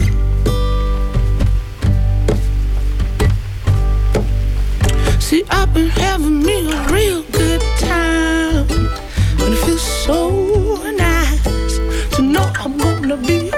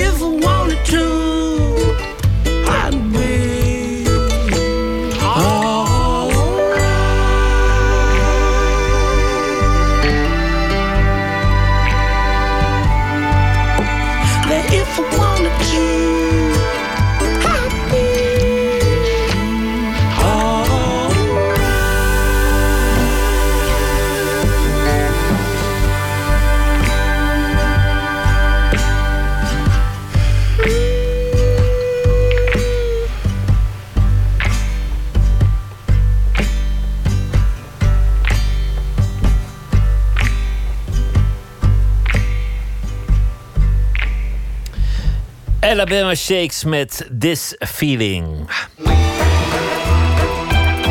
Nooit meer slapen. Tieners en volwassenen begrijpen helemaal niks van elkaar. Althans, als je de film, de speelfilm Home moet geloven. Dat is de indruk die daarin wordt eh, gewekt. Regisseur Fien Trog volgt in het dagelijks leven van een aantal tieners. Hormonenbommetjes zijn het, die op uitbarsten staan. Zonder dat de ouders dat helemaal door lijken te hebben. Ze biedt zo op die manier een intiem inkijkje in de wereld. Dat de kijker erg ongemakkelijk doet voelen. Hoe wisten zij, zij zich zo goed eh, te verplaatsen in die pubers? En hoe slaagden ze erin om die generatiekloof eh, wel te slechten? Floortje Smit ging met haar in gesprek. Hoe vang je de generatiekloof tussen ouders en tieners in één enkele scène? Filmmaker Fien Troch doet het zo. Een moeder vraagt aan de keukentafel aan haar puberzoon en zijn beste vriend of ze nog iets leuks gaan doen later. Jawel, antwoordt hij, ze gaan naar de parking. Maar is er hier aan het de parking? Op uw leeftijd kun je dat niet meer snappen. Is dat aan het dansen of wat? Nee, een gewone parking van de Delijs. En daar gaan we dan zitten. Dat is echt tof. Dit is precies waar Home over gaat. In de film van Fien Troch bevolken volwassenen en pubers in principe dezelfde wereld, maar ze leven volstrekt langs elkaar heen. In Home leidt het tot een explosieve situatie die wel tot uitbarsting moet komen. Oh ja, dit moet u ook nog weten. Fien Trog is wat in puberkringen waarschijnlijk doorgaat als bejaard. Ik ben nu 38. Ik heb lang gedacht dat ik nog heel jong was. En toen besefte ik wel van, ah ja, nee, damn, dat is echt wel voorbij. En toch slaagt ze in iets heel bijzonders. Het is maar zelden dat het een film lukt om echt de huidige jongerencultuur te vangen. Larry Clark deed dat bijvoorbeeld in 1995 met zijn film Kids. En ergens doet Fien Trogs Home daaraan denken. Het lijkt soms wel een documentaire. Het is alsof de jonge acteurs gefilmd worden zonder dat er een volwassene meekijkt. Ik heb meer connectie met die tieners dan met die ouder. Ook al ben ik meer ouder nu dan ik nog tiener ben. Uh, en tegelijk natuurlijk door ouder te zijn... Um, kun je ook heel snel inleven in wat die ouders uiteraard meemaken. Maar toch, de, de, de, het warme hart droeg ik toch toe naar de, naar de tieners. Heb je nog iets aan, aan research gedaan of zo bij hen? Uh, ja, maar het moeilijke was in het begin dacht ik van oké, hoe ga ik dit doen? Ik, want de basis van wat ik voelde als ik tiener was en wat zij voelen is hetzelfde. Maar natuurlijk zit wel bij een andere generatie nu, sociale media. Ik wel vroeger allemaal niet. En ja, eh, elke generatie is tegelijk ook anders. Dus ik dacht, ik wil ook niet um, film maken over Fien Terug denkt dat jongeren nu zo doen. Of. Ik wou echt iets met hun doen. dat was best moeilijk, moeilijk als ik schreef, omdat ja, soms was ik een dialoog aan het schrijven en dacht dit is waarschijnlijk echt wel lachwekkend voor een tiener om dit te lezen, maar dat zo niet cool is en ik die probeer cool te zijn. En dan heb ik zo even gedacht, ik ga wel in een skatepark, ik ga er rondhangen, maar je blijft die buitenstaander of die ouder iemand die voelt dus een beetje vuil bijna. Zo staat er zo wat te koekeloeren aan jongeren. Ik dacht, nee, en ik ben dan denk ik net iets te verlegen om zo, hey. Dus wat ik dan heb beginnen doen, is heel veel um, YouTube beginnen kijken. En heel veel filmpjes die zij filmen op YouTube. Um, ook wel beginnen kijken naar wat zij zouden kijken, qua films, qua muziek. En dan is eigenlijk het belangrijkste dat vanaf dat wij begonnen casten, daar heb ik eigenlijk het meeste uitgehaald. Um, vooral uit de jongens die het uiteindelijk zijn geworden, maar ook uit de anderen, omdat ik dan echt jongeren van die leeftijd zag praten en, en besefte ja, dat dat echt mensen van vlees en bloed waren. Ik hoorde iemand al zeggen dat Troch deed twee slimme dingen. Ze investeerde heel veel tijd om echt een band op te bouwen met haar jonge, onervaren acteurs. Dus ik werd wel heel snel niet gezien als de grote baas of degene die, maar gewoon als een van hun. En ze liet zichzelf ook filmen. Hun smartphonebeelden zitten in de film. Dat is heel cool.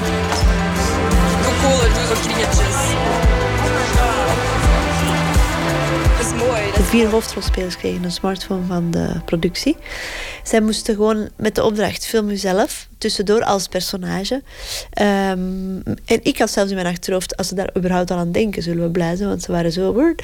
Uh, en... Um, S'avonds moesten ze dat dan teruggeven, want dat werd dat ingeladen. En s'morgens ook om te voorkomen dat die smartphone verdween. ze moesten die dan teruggeven, alles werd ingeladen en kregen ze die terug. Um, en dan hebben we heel snel, als ik me goed herinner, hebben we ook heel snel beslist bij veel scènes. Uh, ik zeg nu maar, deze vier jongeren zitten in de woonkamer. Uh, we hebben de scène gedaan. Dan zeiden wij vaak, voilà, wij gaan nu weg. Ik krijg half uur deze woonkamer. Het enige regel is, doe niks stuk, maar doe maar.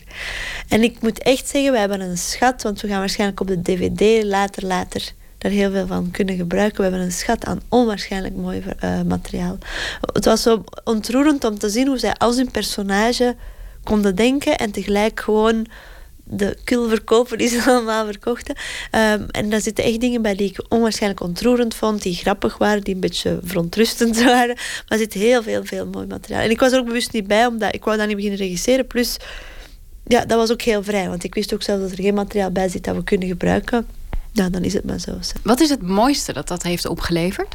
Ik denk het mooiste dat mij dat heeft opgeleverd is dat ik... Um, de basis denk ik van de film is dat het echt lijkt. Dat het lijkt of we daar echt waren en die jongeren daar toevallig alles zeggen wat ze gewoon um, um, op die moment toevallig zeggen. Um, maar het heeft ook, ook wel uh, een emotionaliteit opgeleverd die ik soms moeilijk vind om in mijn eigen scenario te schrijven. Ik denk dat ik een beetje bang ben om het zo wat te melig te maken. Ook soms omdat ik niet goed weet hoe ga ik dat opschrijven. En ik denk dat zij er echt wel voor gezorgd dat er, hebben dat er, dat er een, een, uh, een gevoel in zit. Dat ik er altijd wel insteken, maar dat ik niet goed wist hoe ga ik dat doen. Uh, dus dat de film emotioneler is geworden dan... Omdat ze ook van vlees en bloed zijn, de personages. Maar ook door die, bijvoorbeeld door die smartphonebeelden. Sommige dingen zijn zo, zo pakkend, zo mooi. Ook kleine dingen die zij doen. Um, kleine dingen die zij zeggen, kleine blikken. Dus ja, ik denk echt wel dat, dat, dat 50% van de emotie van de film komt doordat zij zelf er zoveel van zichzelf in kunnen steken. Ik wil niet al te veel verklappen over Home, alleen dat er flink wat heftige gebeurtenissen voorbij komen. Een van de personages wordt bijvoorbeeld geestelijk geterroriseerd door zijn moeder. En zij misbruikt hem ook seksueel.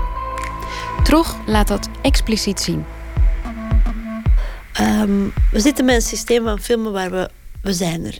Dus alles mag je zien. Ik wist ook wel, we gingen het geweld redelijk expliciet zien. Dan vond ik het ook niet eerlijk of een beetje irritant, zelfs als ik dat niet wou laten zien. Anderzijds was er de optie om te stoppen voor het gebeuren. Maar het voelde eigenlijk allemaal heel erg... Dit mogen we niet laten zien. En ik vond... Wat ik vooral wou, wou is dat mensen niet denken... ik wou het laten zien omdat het dan shocking was en ik moet het laten zien. Maar dat het meer was van... ja, kijk, dit gebeurt er en we hebben altijd alles laten zien. We stonden altijd overal. Dus dit moet ook even gewoon uh, passeren. Ik denk als we er nu hadden op ingezoomd... als we nu op hadden ingezoomd en, en, en, en extra lang daar gebleven, dan wordt het misschien wel heel erg van kijk wat wij durven of zo. Maar daar ging het eigenlijk echt nooit om. Um, het, het, is ook een, uh, een jonge acteur die je het laat spelen. Ik kan me voorstellen dat dat misschien nog wel uh, heeft meegespeeld bij eventuele twijfel. Of je dat iemand van die leeftijd moet aandoen. Ja, ik moet wel erbij zeggen, niet dat het zo verschil maakt, maar alle jongens waren 18. Enfin, niet Kevin, maar die heeft dan ook minstens uh, van dat soort situaties. En mijn schrik was effectief ook, wat je zei in het begin, dat vertrouwen is zo groot, waardoor zij alles zouden doen wat ik vroeg. Maar ja, dat is ook een gevaarlijke zone, want beseffen zij wat... wat, wat wat, allez, uiteraard weet dat dat op groot scherm komt, maar besef je dat echt als je aan het doen bent.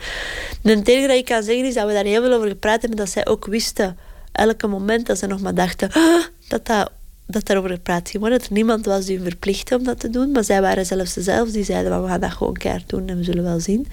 Um, dat is super sereen verlopen. En vooral, ik heb in de montage laten zien, niet dat zij dat mocht zeggen, ga het eruit zien, maar toch om te zeggen van kijk, dit is het.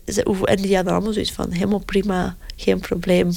Dus ja, het is een beetje een niet-uitleg, want het is een risico. Snap je? Dus het, het even kunnen zijn dat ik achteraf dacht, ik, heb, ik, ik had, ze hadden te veel vertrouwen en ze hebben dingen gedaan die ze niet wouden doen. Maar ik, ik, we hebben er ook heel veel over gepraat ervoor. En zij zeiden op een gegeven moment ook van, gaan we er gewoon niet meer over praten, want we kunnen toch niet, we moeten het toch gewoon doen.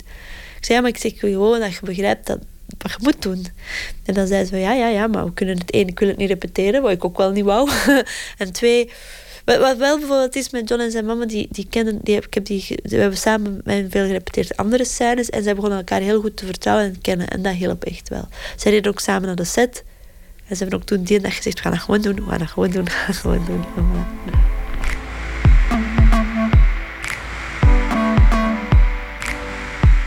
Je laat eigenlijk feilloos zien dat, dat heel veel ouders denken dat ze het heel goed doen met hun jongeren, maar effectief niet luisteren. Ja, en um, ik, ik had heel erg zoiets van als ik de film maakte van. Ik, heb de, ik, hou van de jongeren en de ouders, ik ben er niet tegen, maar. Dus ik denk dat het wel duidelijk is waar mijn voorkeur naartoe gaat. Maar ik had ook wel tegelijk zoiets van ze luisteren, de, de volwassenen luisteren niet, maar ze roeien ook een beetje gewoon met de riemen die ze hebben. Het lijkt alsof ze vergeten zijn wat die periode was en vastzitten in die rol van opvoeder en, en uitleggen en, en duidelijk, duidelijke dingen. En dat het er inderdaad niet echt toe doet wat de jongere voelt of zegt of denkt, want zij weten toch hoe ze het moeten doen. En dat is een beetje het pijnlijke of zo, want het lijkt zoals voor mij dat volwassenen het niet zo bedoelen en eigenlijk wel denken dat ze luisteren en mee zijn met de jongeren, maar het, het, ik vind het het moeilijkste om te kijken bij jongeren en volwassenen is dat idee van je weet het toch niet. Je bent toch jong. Het enige wat jij wilt is drinken, feesten en drugs nemen. Dus hou maar gewoon je bek en ik zal het wel uitleggen. Dan denk ik, ja, voor een stuk is dat wat ze willen, maar dat is ook voor een stuk heel erg tiener zijn. Dus probeer daar dan toch iets mee te doen of zo. Dat autoritaire, dat is wel een beetje een aanklacht voor mij. En autoritair bedoel ik niet... Uh, enfin, autoritair is sowieso gewoon als je zegt het moet allemaal zo en zo en zo. Hoeft niet, zelfs niet met fysiek geweld te zijn of zo. Maar wij weten het sowieso beter als jij. Dat vond, dat, vind ik, dat vond ik als tiener ook altijd verschrikkelijk. En achteraf dacht ik, ik wist het inderdaad allemaal niet. ik dacht toen wel dat ik het wist, maar ik wist het niet. Maar geeft, ons, geeft hen ons. Geeft hen tenminste het gevoel dat er, dat er wisselwerking is. Dat het niet gewoon is van zwijg. Floortje Smit in gesprek met Fien Trog over de film Home. Te zien vanaf donderdag in de bioscoop. Het was uh, vroeg in de ochtend, 5 januari 2000. In Amerika werd een uh, vliegend object gesignaleerd. Een ruimteschip, dachten velen.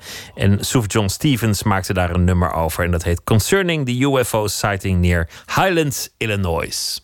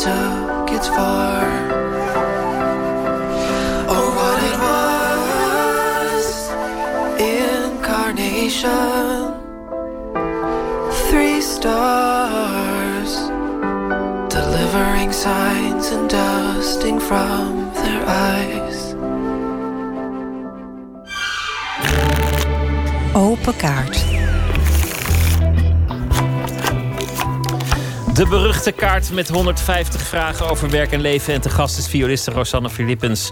Uh, zij begon al op de derde met viool spelen. Heeft met vele beroemdheden samengespeeld. Grote orkesten en ook uh, grote pianisten en anderen. En ze is ook een ambassadeur voor de klassieke muziek. Ze organiseert zelf avonden. De Amsterdam Salon.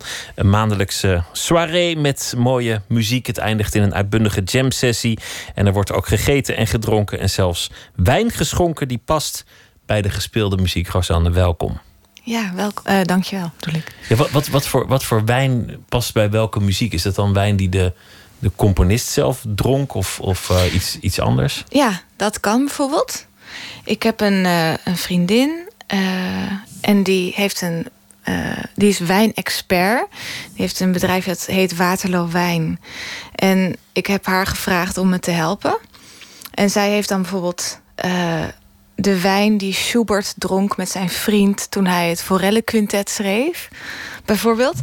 Maar het kan ook wat algemener, dat als we een uh, Spaans uh, sfeer hebben die avond, bijvoorbeeld uh, Franse muziek met Spaanse invloeden of gewoon Spaanse muziek, dan is er Spaanse wijn en ja, het is gewoon leuk als de hele avond met elkaar, als de elementen van de avond met elkaar samensmelten. Volgens mij is dat een extra dimensie, denk ik.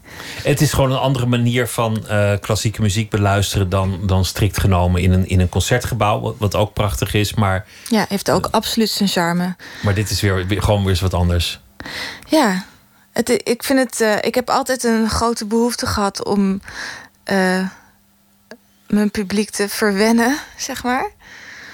En om een soort bedje te spreiden en dan de muziek ook uit te leggen.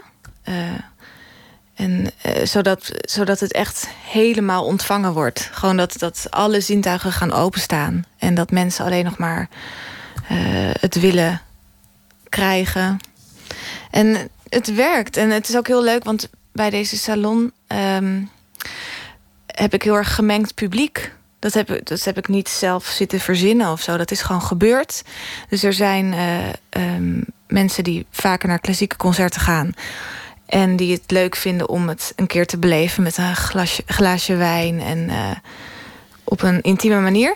Maar er zijn ook heel veel jonge mensen die weinig klassieke muziek horen.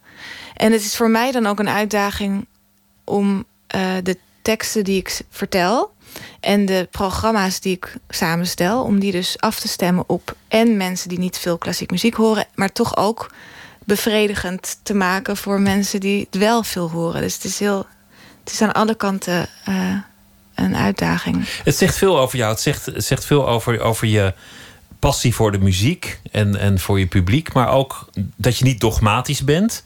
Want je speelt met allerlei muzikanten samen. Ja. Heb je wel eens met, met, met Roma-muzikanten gezien. Maar je hebt ook wel eens met jazzmensen Ja. een avond gemaakt. En eh, je doet van alles. En, ehm, en het zijn nog iets, maar dat ben ik vergeten. En je hebt, een, je hebt je viool meegenomen. En, en dat is een hele bijzondere viool. Ja. Uit welk jaar stamt die en wat is het voor, voor, voor plank? Oh, plank. Ik hoop dat hij het niet hoort. Nee, grapje. Ehm, hij komt uit 1727. En het is een Stradivarius. Dat is volgens mij ook de, de beroemdste viool. Ik denk dat als, Als iemand iedereen... een merk moet noemen, dan, dan zegt hij dat. Ja, en dan komt er verder niet zoveel natuurlijk. Het is Stradivarius is het gewoon.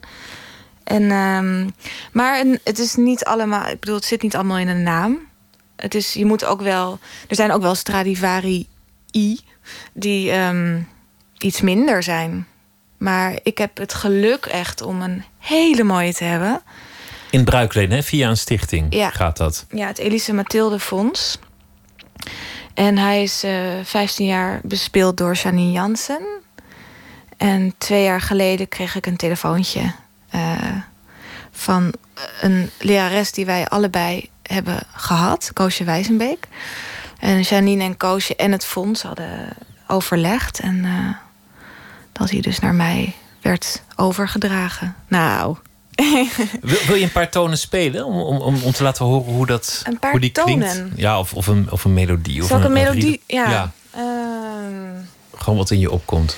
Iets wat in me opkomt. Oké.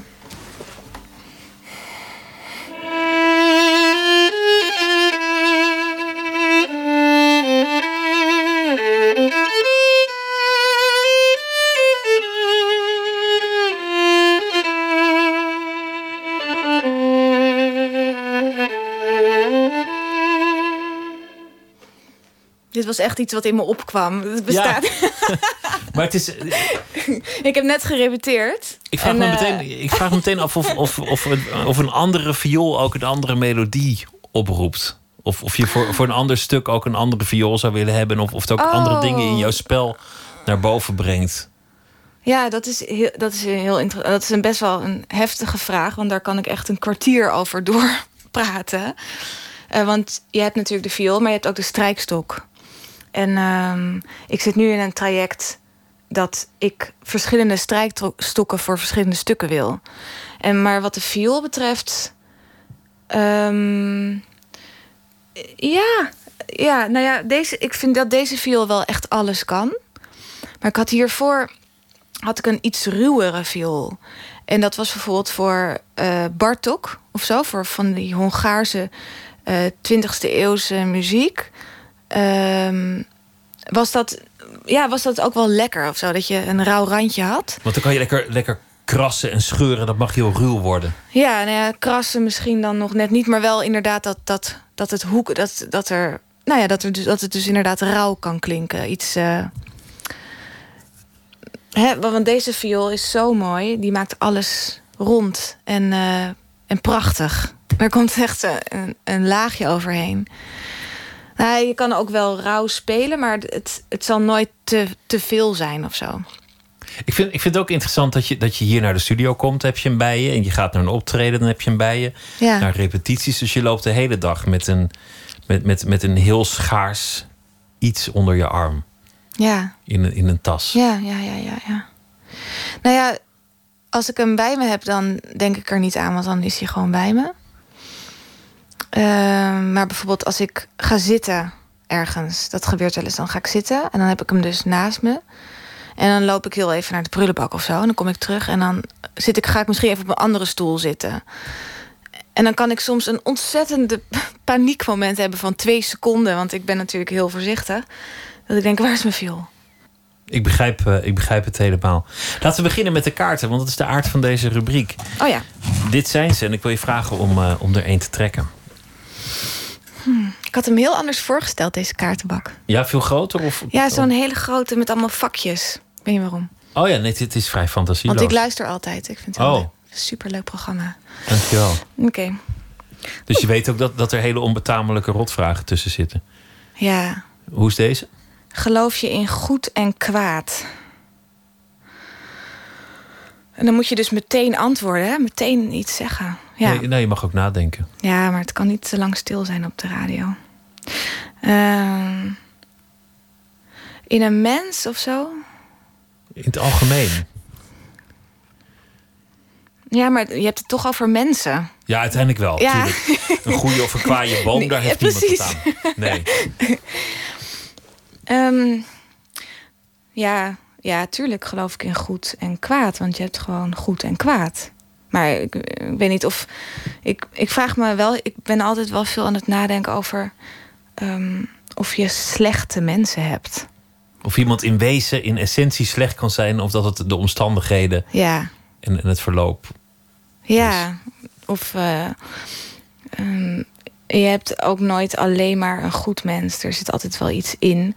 En, en natuurlijk als je in een eh, makkelijke omgeving bent opgegroeid... dan is het ook niet zo moeilijk om niet goed te zijn. Ik bedoel, dan, waarom zou je dan slechte intenties hebben? Maar als je heel veel moeilijkheden hebt... dan ben je misschien meer geneigd... Ja, ik, ik weet je, het is zo... ehm, kwaad. Je hebt ook mensen die vreselijke dingen doen, maar echt ervan overtuigd zijn dat ze het goede doen. Ja, dat is interessant. Dat, dat een, een, een misdadiger ook een held kan zijn. Ja.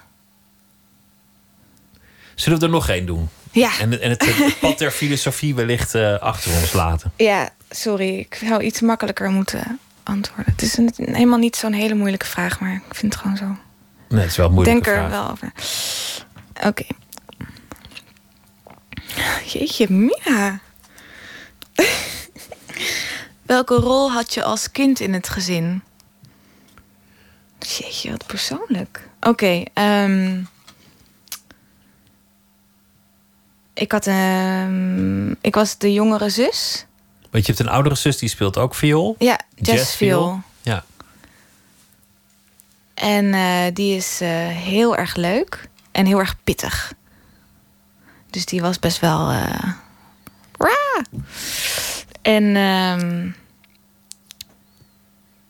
ik, eh, ik ben niet zo geboren ook gewoon. Dus eh, ik ben gewoon iets eh, rustiger.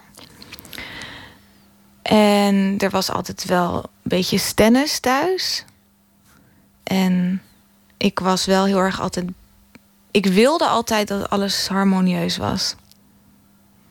Jij was degene die de, die de vrede wilde bewaren. Ja, Tussen, tussen al die sterke karakters om je heen. ja, dat lukte natuurlijk helemaal niet. Maar dat, dat, dat heb ik nog steeds. Dus ik denk, ik denk daar wel eens over na van... goh, is dat nou omdat ik dat vroeger graag wilde en dat heb ontwikkeld... of ben ik ook gewoon zo geboren dat ik het fijn vind als, als, eh, als alles gewoon goed is? Maar ik vind eigenlijk niet... eh, ik vind ruzie of zo, of spanningen vind ik ook wel heel interessant. Dus het is niet dat ik die wil vermijden... Maar, ehm, maar dan, daarna is het ook wel fijn als het weer goed komt. Nou ja, iemand moet uiteindelijk een stap naar achter doen. Anders blijft het ruzie en dat, dat, op een gegeven moment wordt het saai. Ja, nou, ik ben gisteren nog. eh, ik had gisteren ruzie met mijn zus. En eh, toen eh, gingen we uit elkaar. En ik. Het kan gewoon niet. Dus dan ren ik toch achter haar aan. En dan omhelzen we elkaar. Ja. Dat was wel een mooi moment.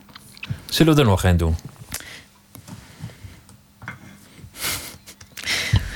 Geloof je in de toekomst? Natuurlijk geloof ik in de toekomst. Mag ik een andere doen? Ja, tuurlijk. Wie ga je uit de weg?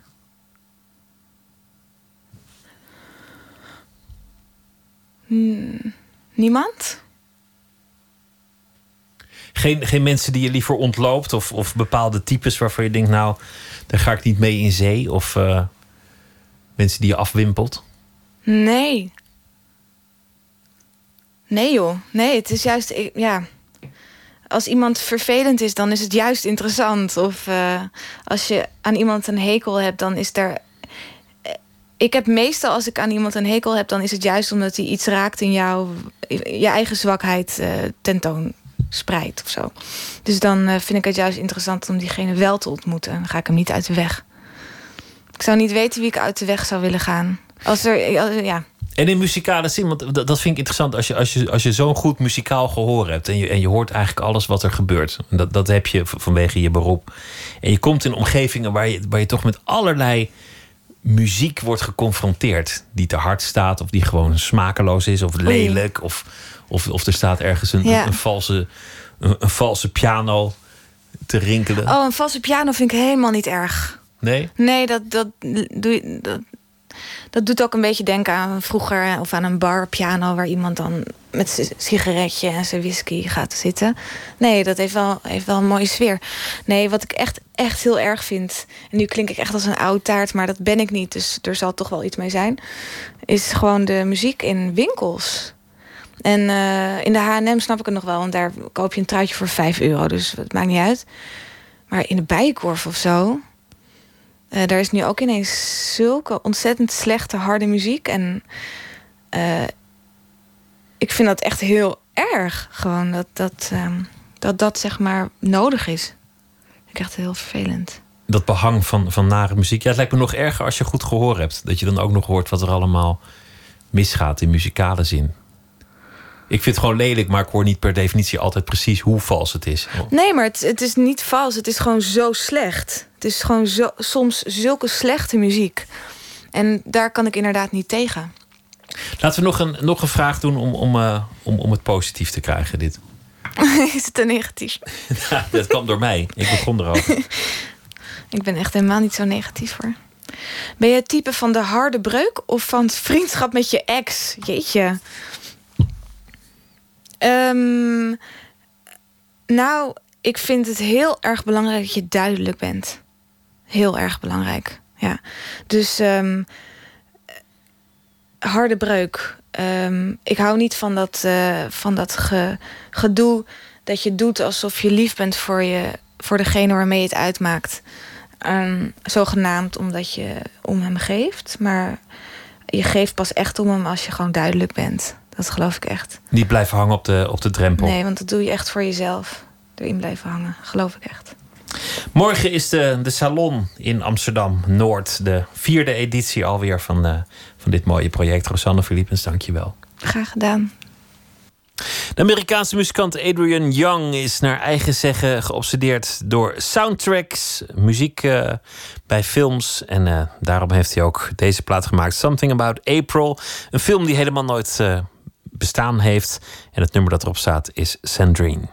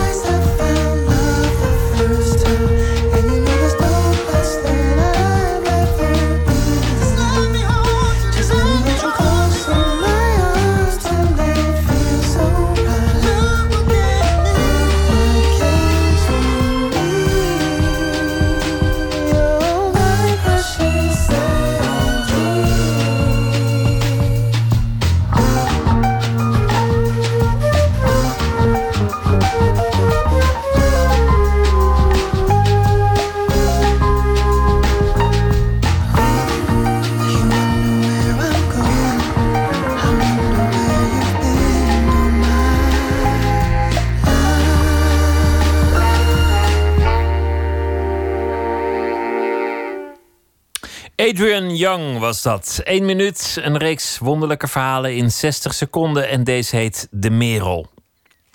Pst, één minuut. Matthijs werd ziek en een heleboel vrienden van hem zijn naar hem toegekomen toen hij in het hospice lag. Iedereen had wel een iPod bij zich en er was zo'n zo'n zo'n klein stationnetje. Dan kon je er boxjes op aansluiten. En dus hadden allemaal muziek voor hem gedraaid. Na, na een dag of drie was die muziek ook wel een beetje klaar. En, maar je wilde toch iets horen, want het is heel akelig, die geluiden in zo'n hospice. En ehm, ik had in mijn iPod toevallig een, merel.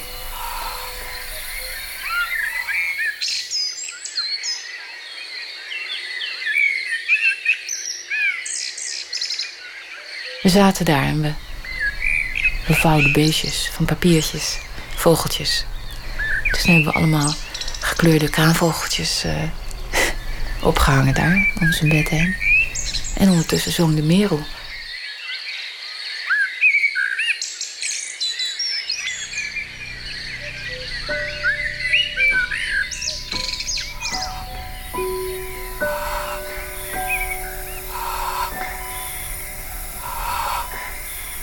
Eén minuut gemaakt door Chris Baayema.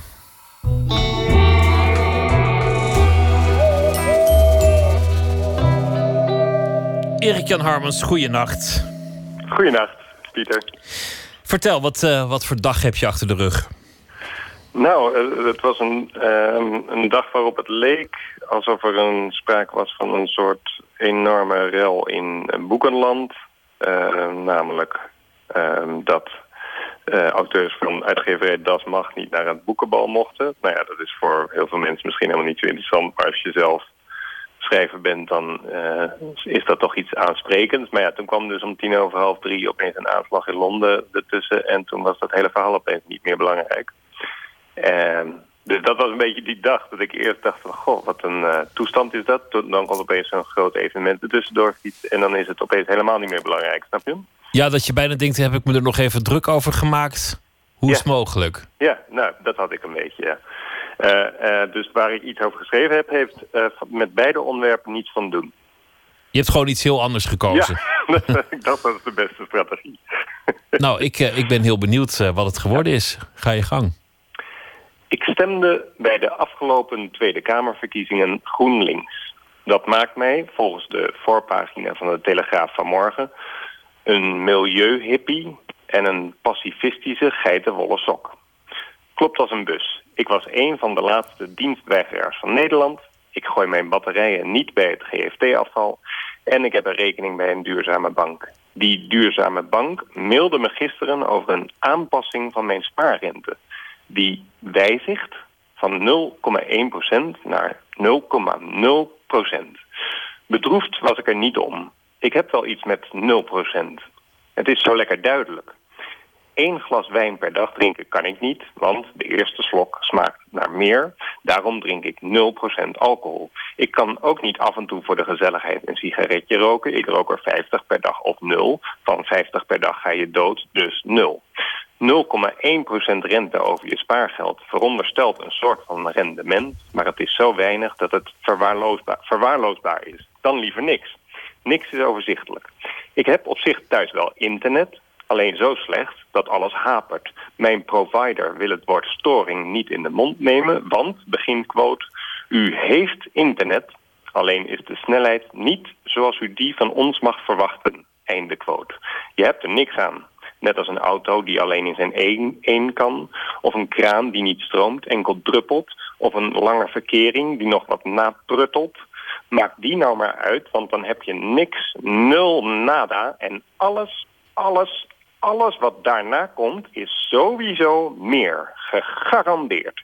Ik ga 100% voor nul. Ja, daar heb je mooi gesproken, Erik Jan. Nul, nul is vaak beter dan, dan half. Nul is het nieuwe 100. Ja, dat is. Uh, stel, stel je, hebt, je hebt geen baan, dan ben je één stap verwijderd van geluk. Want dan, dan hoef je alleen maar een leuke baan te vinden. Precies, maar je hebt een vervelende baan, dat zijn twee stappen. Je moet van de vervelende baan af en dan nog een leuke baan vinden. Jij snapt het. Wiskundig gezien ben je dan ver verwijderd. Ja, je hebt hey, helemaal gelijk. Maar voordat uh, die idioot inreed op de menigte in, ja. in Londen, maakte je je toch nog even druk over, uh, over Das Mag en het boekenbal. Ja. Heb, heb je er nog een smeuïge mening over of lukt het gewoon niet eens meer? Uh, nee, nou smeuig niet, nee. Want dan krijg je dus de mening van... ik ben het eens met Walter van den Berg. Dat is een van de auteurs van Das Mag. En die heeft namelijk gezegd van... Want het gaat uiteindelijk om het wel of niet lid zijn van een uitgeversvakbond. Hè? Of uitgeversbond, weet ik veel, iets dergelijks. En daar is Dat Mag geen lid van. En nu zegt Walter van den Berg, los van dat hele lidmaatschap... laten we gewoon zorgen dat er wat meer schrijvers rondlopen op het boekenbal. Daar ben ik het wel mee eens. Jij bent er wel eens geweest, neem ik aan, Pieter? Ja, ik kom, kom er eigenlijk, nou ja, zo'n beetje ieder jaar als, uh, ja. als niet-schrijver. Ik schrijf nog niet eens mijn boodschappenlijstje. ja, ik hoor nee, daar niet. Hartstikke leuk dat je er bent. Ja, ik, ik, sla, ik sla over. Ik, ik doe mijn duit in het zakje en ik kom een keertje niet, oké? Oké, okay, dat is goed. Nee, dat is goed. Maar ik ga wel vrijdag vanaf het boekenbal inbellen. Dat is wel weer leuk, hè? Oh, dat vind ik leuk. Dan tref je mij, want, uh, want uh, Esther Naomi Perquin... die, uh, die moet daar natuurlijk als dichter des vaderlands wel rondlopen. Precies, ja. Nee, dus ik zal vrijdag ook iets schrijven over het boekenbal... en dat lees ik dan weer voor vanaf het boekenbal... tenzij er een aanslag komt en dan houdt alles op. Oké, okay, nou, beloofd. Dankjewel. Okay, Erik Jan Harmens, goeienacht. Nicky Lane gaan we naar luisteren. En het uh, nummer heet Foolish Heart.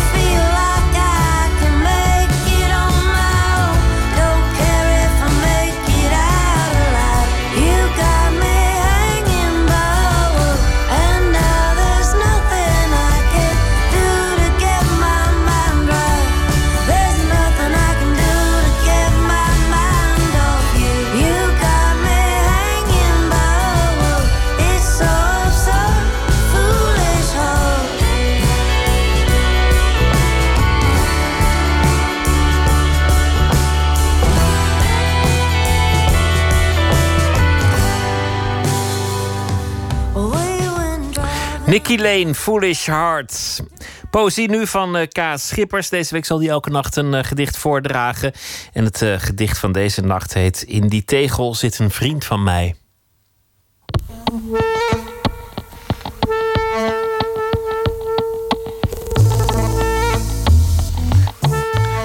In die tegel zit een vriend van mij. In mijn tegel zit een blauwe tranenrij was naar de avondsuper om brood te kopen en rende naar buiten. Rood voor bloed, zwart voor leed, oranje voor het vuur. Heb de hele dag in de flat er tegenover staan behangen.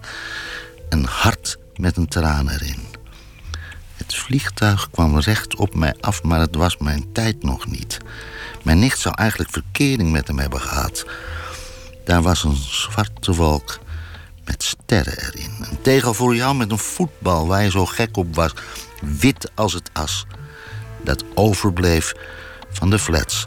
Vlag van Aruba. Sterf van vier windstreken. Iedereen van de hele wereld in de Bijlmer. Een paar stukjes van de echte Boeing heb ik opgeraapt. Blauw serviesgoed van mensen die aan tafel zaten te eten. Stond voor het raam en zie mensen als fakkels rondlopen. Is altijd, ik vind het altijd erg prettig als je een verzoek krijgt om iets te schrijven. En dit, dit was een verzoek van Akkelij Hertzberger. Die werkt aan het monument in de Bijlmermeer. En dan staat in dit gedicht, even kijken... 4 oktober 1992, om half zeven is het gebeurd. En ik dacht, ik wilde wel iets schrijven voor dit monument... bij de boom die alles zag. Maar niet zo'n gedicht. En ze had mensen geïnterviewd. Mensen die iets hadden gemaakt voor op de grond. Allemaal stukjes, stukjes glas en prachtige miniaturen eigenlijk. En ik heb toen, ik heb er geen woord zelf aan toegevoegd. Ik heb de mensen zelf aan het woord gelaten die achterbleven. In die tegel zit een vriend van mij, is de titel van het gedicht. In mijn tegel zit een blauwe tranenrij. Was naar de avond super om brood te kopen en rende naar buiten. Rood voor bloed, zwart voor leed, oranje voor het vuur. Heb de hele dag in de flatter tegenover staan behangen. Een hart met een traan erin. Het vliegtuig kwam recht op mij af. Maar het was mijn tijd nog niet. Mijn nicht zou eigenlijk verkering met hem hebben gehad. Daar was een zwarte wolk met sterren erin. Een tegel voor jou met een voetbal waar je zo gek op was. Wit als het as dat overbleef van de flats. Vlag van Aruba. Ster van vier windstreken. Iedereen van de hele wereld in de Bijlmer. Een paar stukjes van de echte Boeing heb ik opgeraapt. Blauw serviesgoed van mensen die aan tafel zaten te eten. Stond voor het raam en zie mensen als fakkels rondlopen.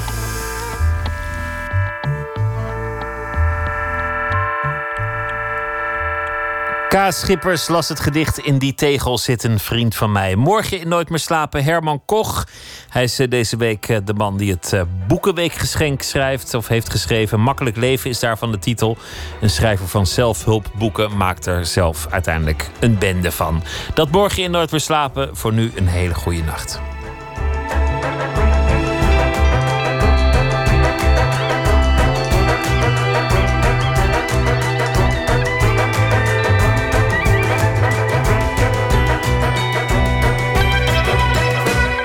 Op Radio 1, het nieuws van alle kanten.